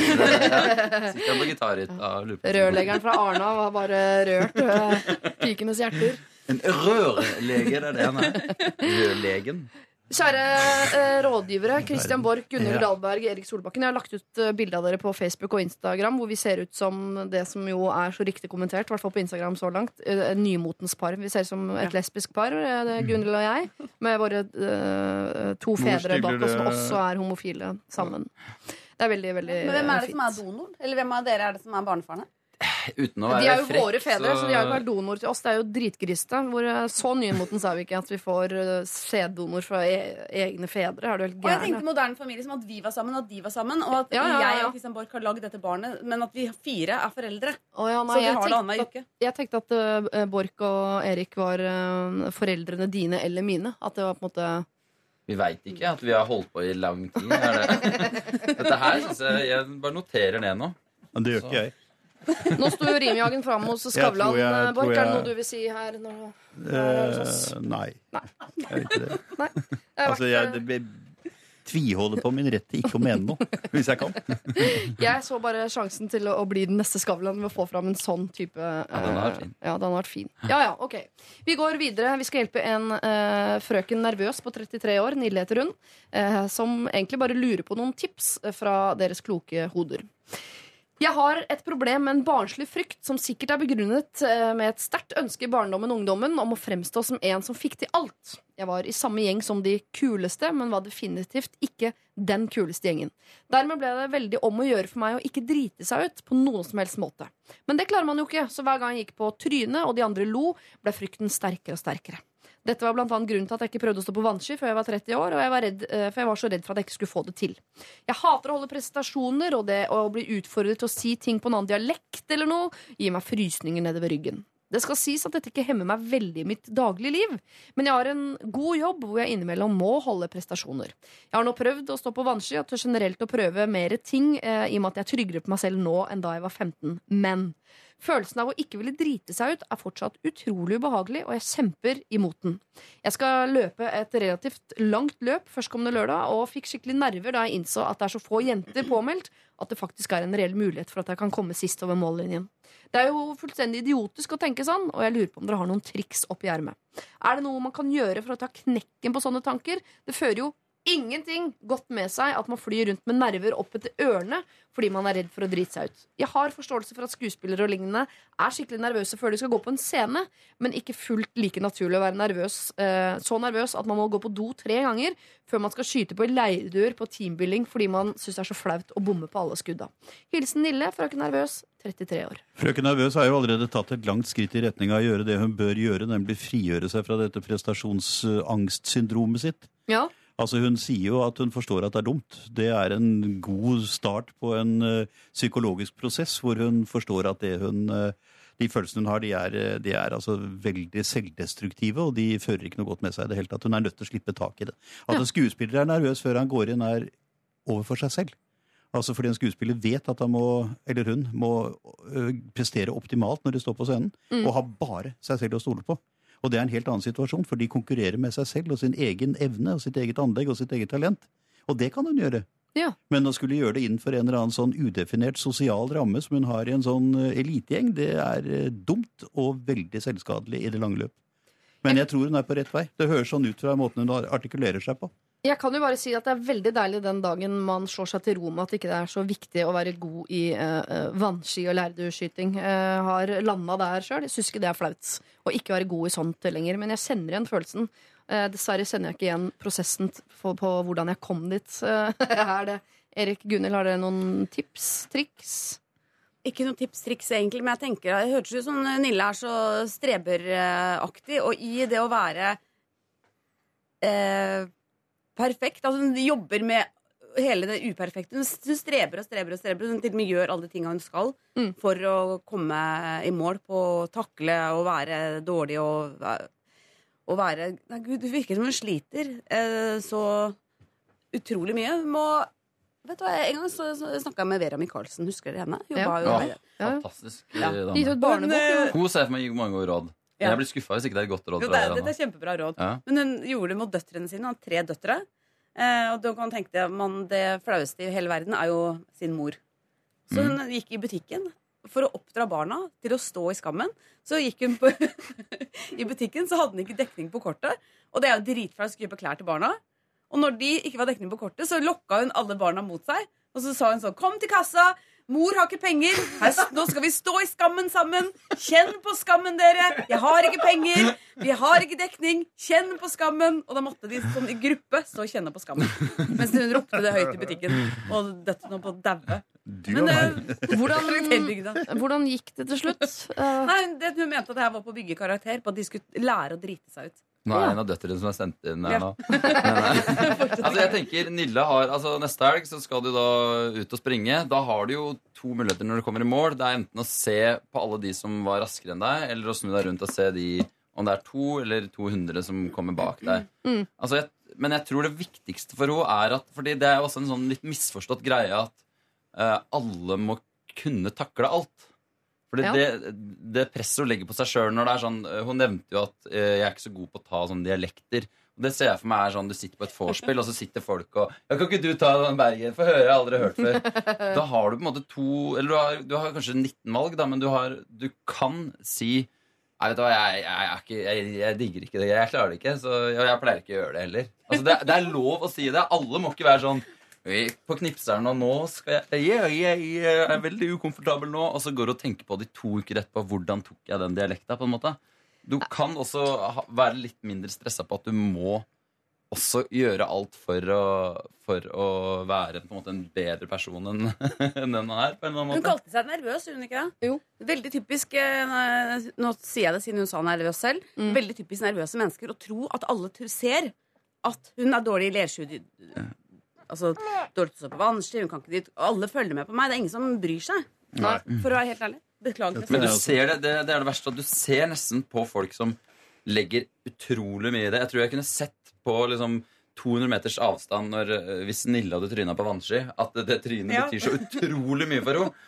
Så hvis den på en måte bare å, senker skuldrene bitte lite der, og at folk ikke faktisk legger merke til om hun tryner eller ikke Jeg tenker det er, ikke så, det er ikke så viktig å være god på vannski eller lederskyting eller kunne liksom uh, hoppe fra Ålesund til Bergen sånn eh, på et nanosekund. Det som er viktig, syns jeg, da, er hvordan du takler det. Fordi uh, det er ikke å drite seg ut og ikke kunne snakke bergensk. Det som kan være flaut, er hvis du prøver, men du er så ukomfortabel med det Det du at kunne du være flaut, er å bli ser at det er vanskelig for å for være deg. Det er også flaut. Nei, Ja. altså, det, var, det var en engelsk film for mange herrens år siden som handlet om en fyr som virkelig trener seg opp til å bli god til å løpe. Og han blir kjempegod. Han vet at han er best, og han løper et langt, langt langt løp. Og filmen handler om dette løpet, hvordan han hele tiden øker distansen til seg og de andre. Og så har han altså et eller annet å gjøre opp, og så stopper han. Ja. 25 meter fra mål. Og lar resten løpe forbi.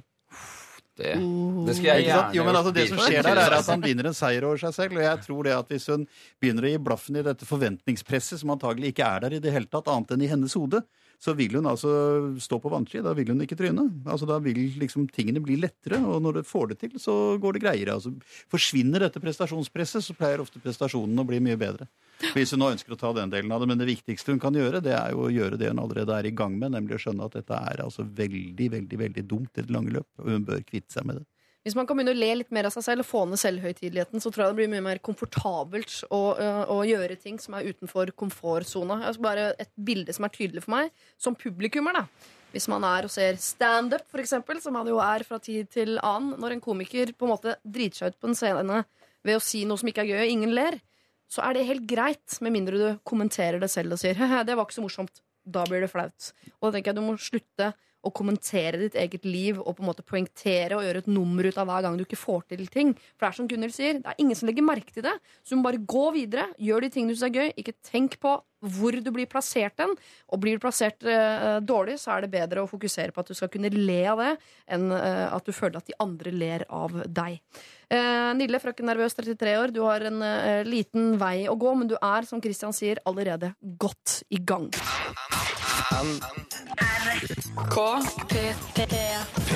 P3. James Bay, altså mye mer av han. Ja takk. Dette her var Let It Go, og før det Lemaitre med Closer.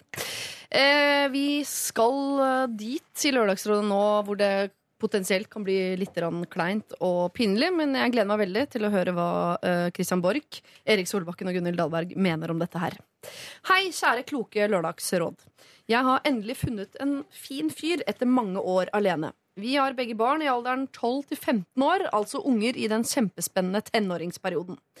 Når vi sover over hos hverandre, er det jo kos å kunne være litt intime med hverandre, men skrekken er jo at noen av ungene skal høre oss.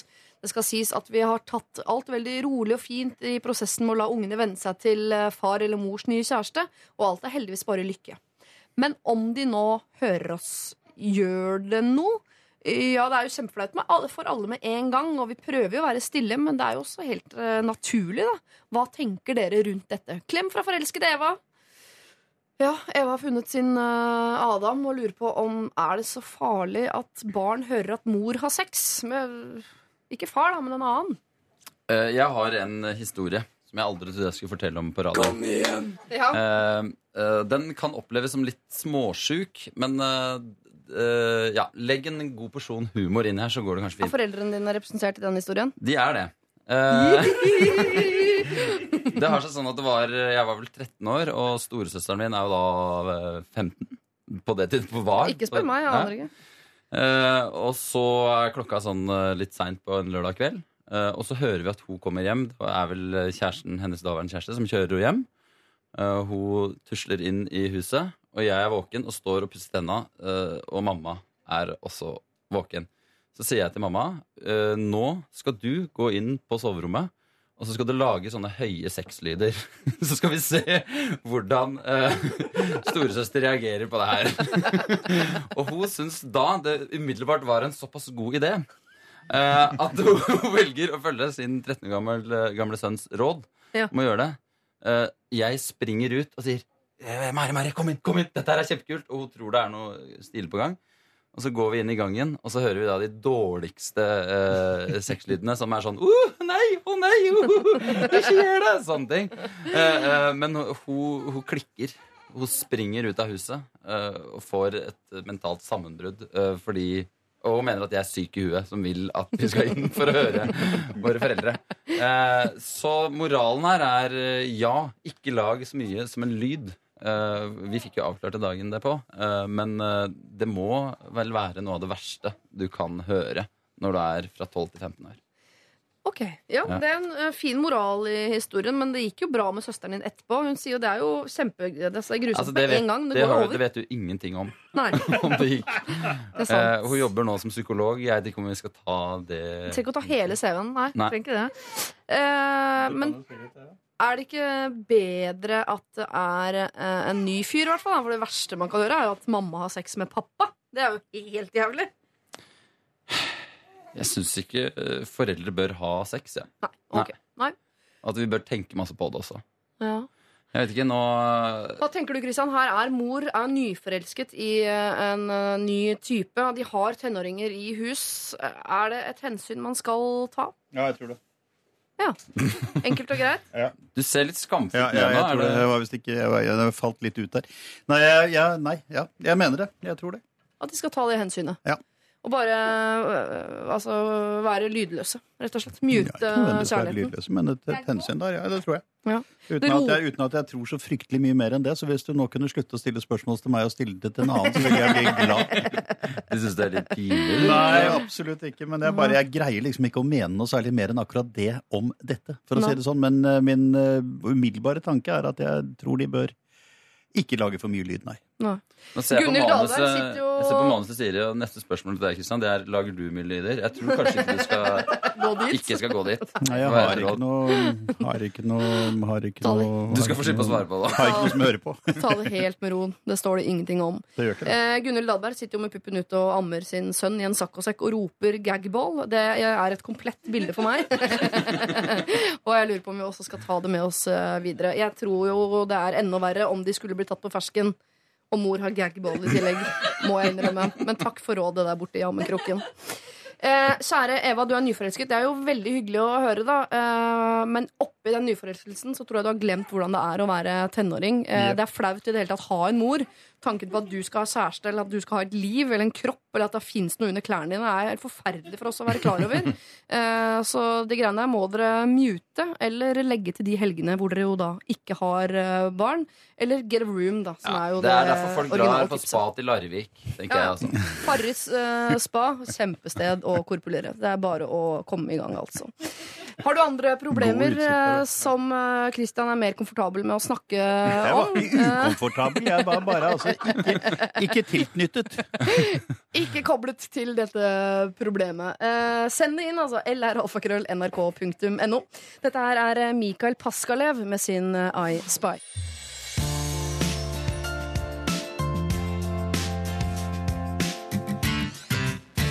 Mikael Paskalev, I Spy. Har dere noen gang eh, tøyset med Hasse Hope, Erik, og at han ligner på Mikael Paskalev? Er det en eh, running gag på kontoret hos dere? Den er ikke så treffsikker, eh, men kanskje i starten. Ja. Ja. Ok, men det er, ikke, det er ikke mye brukt. Altså, det er spesielt øyepartiet som er totalt forskjellig. Oh, ja. Jeg har til og med sett dem i samme rom.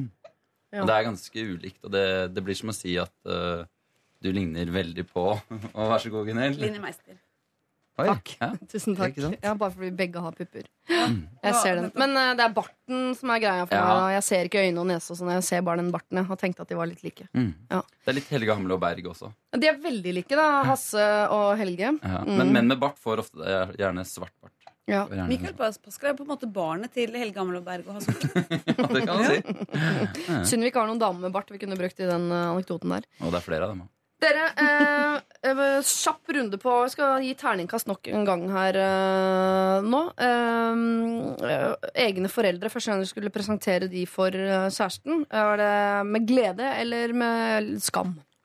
Med glede. Med glede. Ja.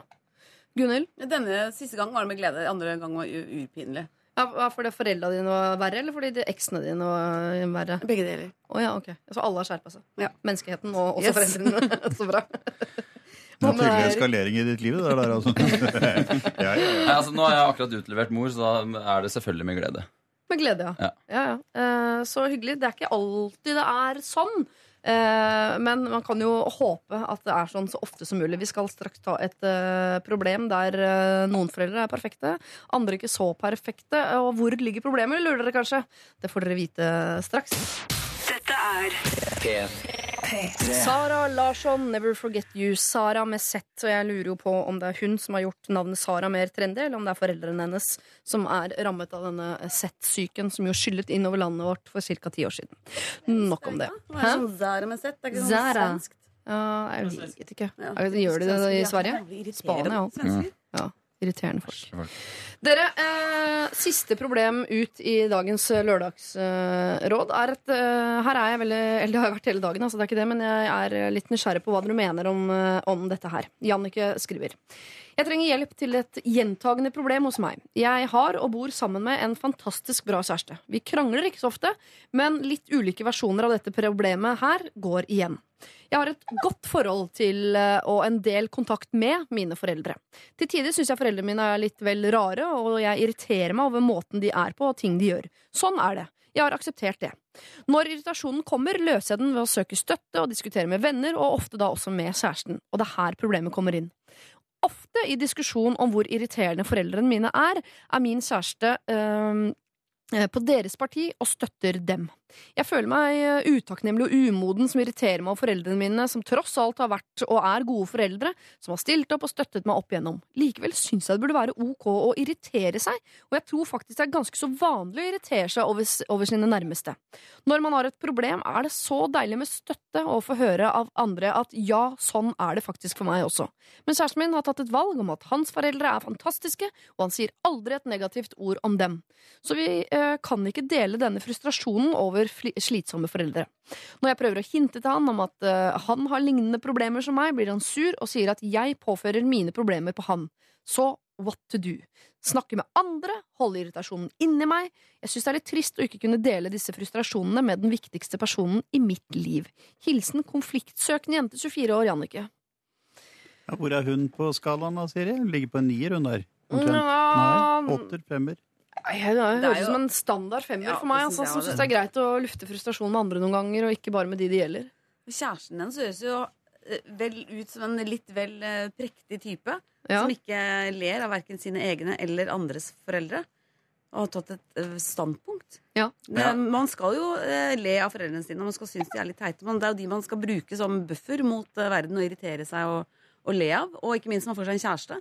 Så finner man, og har søsken, da. Mm. Så finner, finner man jo hva skal jeg si, sjeleforeldre og åndsfeller som ser hvor rare de foreldrene er. Jeg synes det er så fint at du sier dette med en baby på skuldrene som får dette rett inn i øret, og nå får en velsignelse for at han kan baksnakke deg i all fremtid. Vi fikk han så at han vi har fra før, kan baksnakke oss. Ja, det er poenget med søsken. Ja. Å ha noen å baksnakke foreldrene sine med. Altså, det er jo, jeg tror jo mye av problemet faktisk ligger på han. Ja. Jeg tror hun må ta en prat med han øh, som ikke handler om de konkrete problemene hun har med sine foreldre. At de dreit henne ut der her og der. Jeg tror du må ta en prat om hvorfor syns du det er øh, Jeg synes det er sårt Mm. at jeg snakker uh, litt negativt om mine foreldre iblant. Jeg tror kanskje at det er noen uh, Altså I et forhold der så kan det hende at han s- syns det er på en måte Han drar veldig mye inn i det. Han tenker at Oi, da kanskje ikke hun er en person som liker foreldre. Og han er kanskje en person som ja, ja, og han har kanskje et uh, veldig sånn stabilt og, og fint forhold til sine foreldre. Har aldri snakka dritt om dem, og det har funka i alle år. Ja. Og hvis han da det begynner å på en måte rokke litt ved grunnmuren hans, så jeg tror hun må bare ta en prat med han om det, og uh, få han til å skjønne at det er ikke så vondt ment, men at det er viktig for henne å snakke om det også. Ja. ja.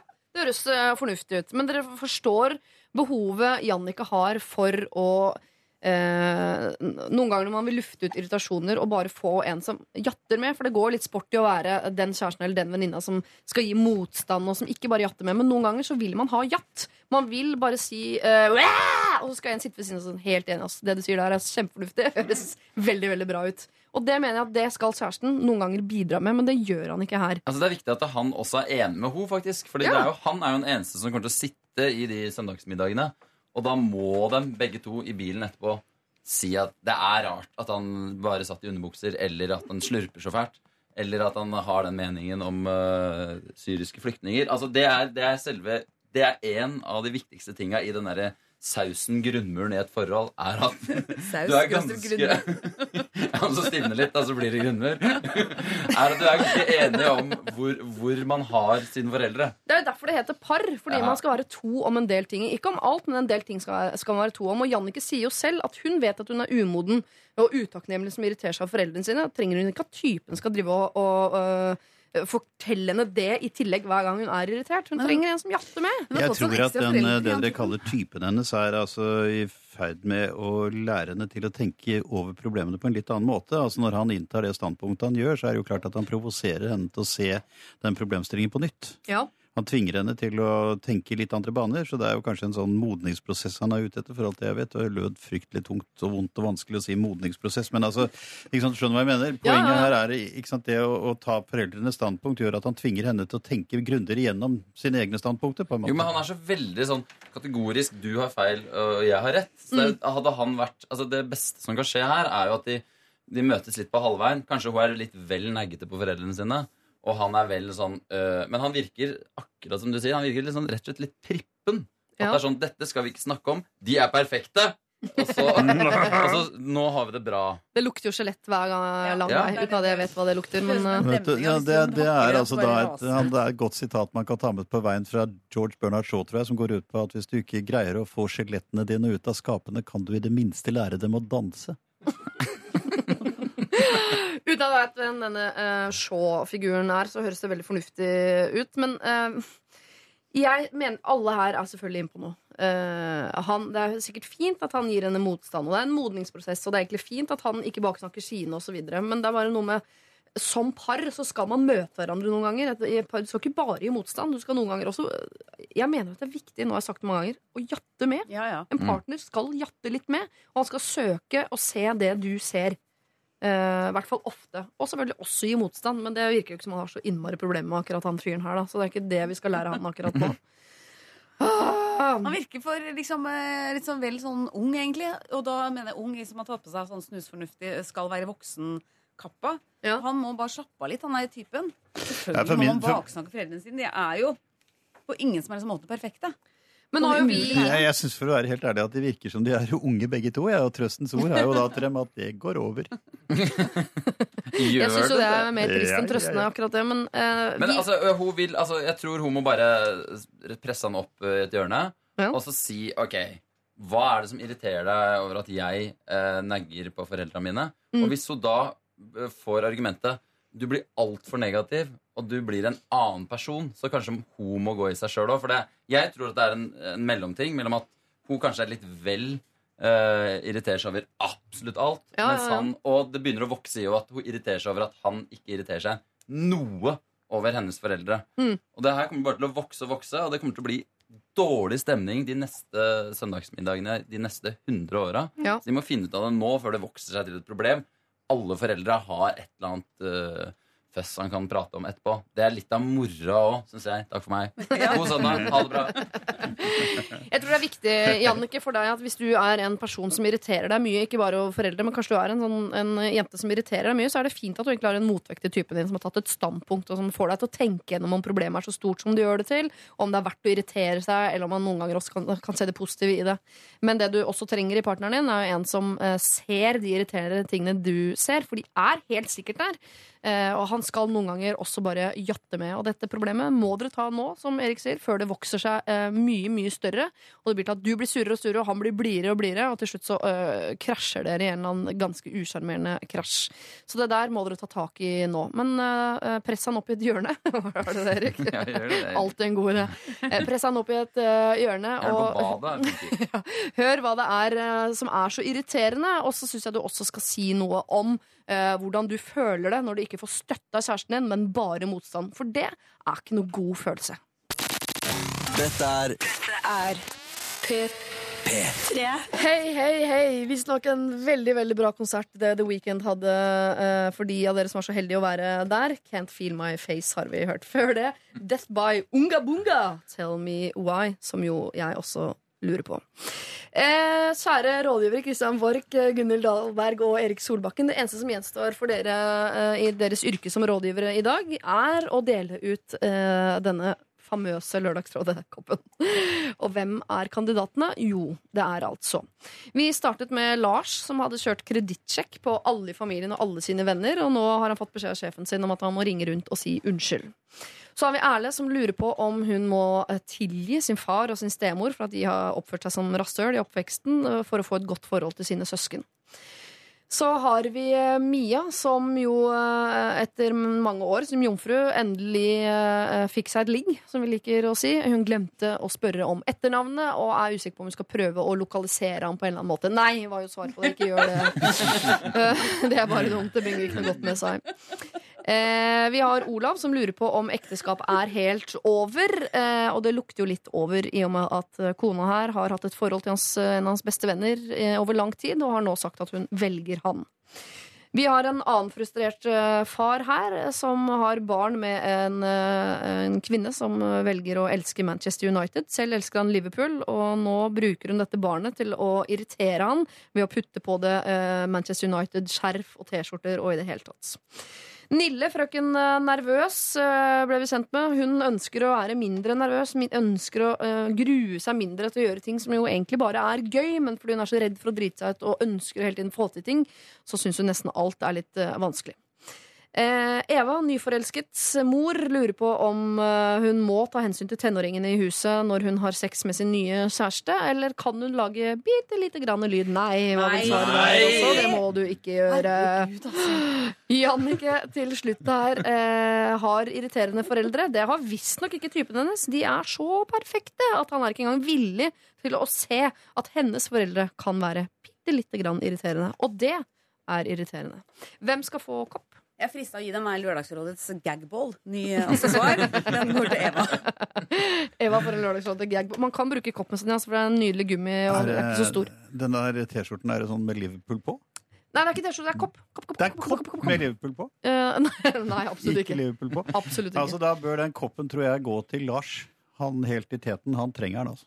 Eh, Lars som har tatt kredittsjekk ja, på alle. ja, ja. For han tror jeg er den som på en måte har den lengste veien å gå. En uphill struggle hvor han må kjempe både mot seg selv og litt av hvert annet rart. Ja. Og da å sitte og drikke av en uh, Lørdagsrådet-kopp vil være en uh, evig påminnelse om disse strålende rådene vi har gitt ham om dette. Syns du han skal drikke noe litt vondt, eller? Bare Nei, jeg skal satt og tenkte på om han burde blande noe i kaffen. Ja, sånn Men det er ikke sikkert han bør gjøre det. Han bør være klar i hodet og klar i røsten. Ja, noe i kaffen. ja Ja. det er det.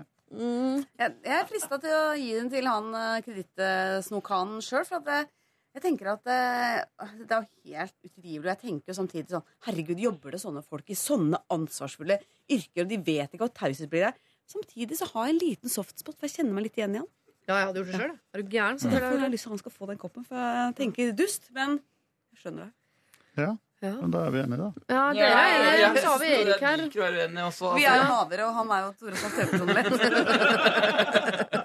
Naverne mot, uh, mot storkapitalistene. Det er liksom en kopp her og en kopp der. Altså, jeg syns jo at vi sleit jo mest med, med Olav.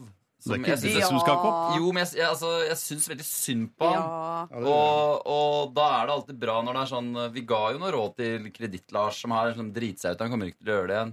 Men jeg føler at Olav har på en måte en litt tyngre vinter i møte, og da å få en, i hvert fall en kopp. den en Om ikke han fikk gode råd, så fikk han en kopp. Og du har tidenes kjærlighetssorg, og dama di er sammen med bestekompisen din, og du er deprimert og innser ikke situasjonen hvor grusom den er. Her har du en kopp. Det Ja, men det er jo er litt for stusslig. ja. Kan vi fylle den kopp, kopp, koppen med noe Med twist, gladpiller? da Twist? Tenkte tung, tunge medisiner, tenkte jeg da. Ja.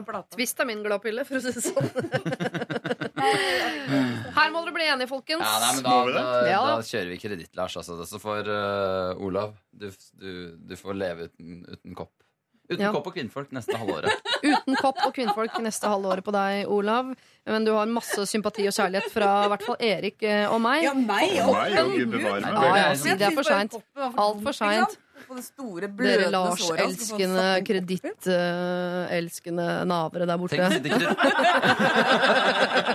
Kreditt-Lars sitter og knegger nå. Jeg fikk meg en kopp. Sjekke begge oss nå. Kreditt-Lars får en lørdagsrådkopp av naverne her i dagens lørdagsråd. Eh, tusen takk til dere for at dere kom hit eh, i dag. Takk for meg. Takk for meg. P3 Dette er Lørdagsrådet på P3. P3. Yes, Truls er tilbake. Canyon sang han uh, her. Uh, dagens rådgivere har gått hvert til sitt og skal nyte sine lørdager. Uh, her sitter jeg og skal fortelle deg at hvis du ønsker å laste ned podkast, så er du hjertelig velkommen til det. Det er jo gratis. Alt som er gratis, er gøy. Sånn er jo vi nordmenn. Og så sitter jeg her da med et nydelig bilde foran meg som er tegnet av Christian Borch. Han har sittet og tegnet og tegnet og tegnet nå i en times tid.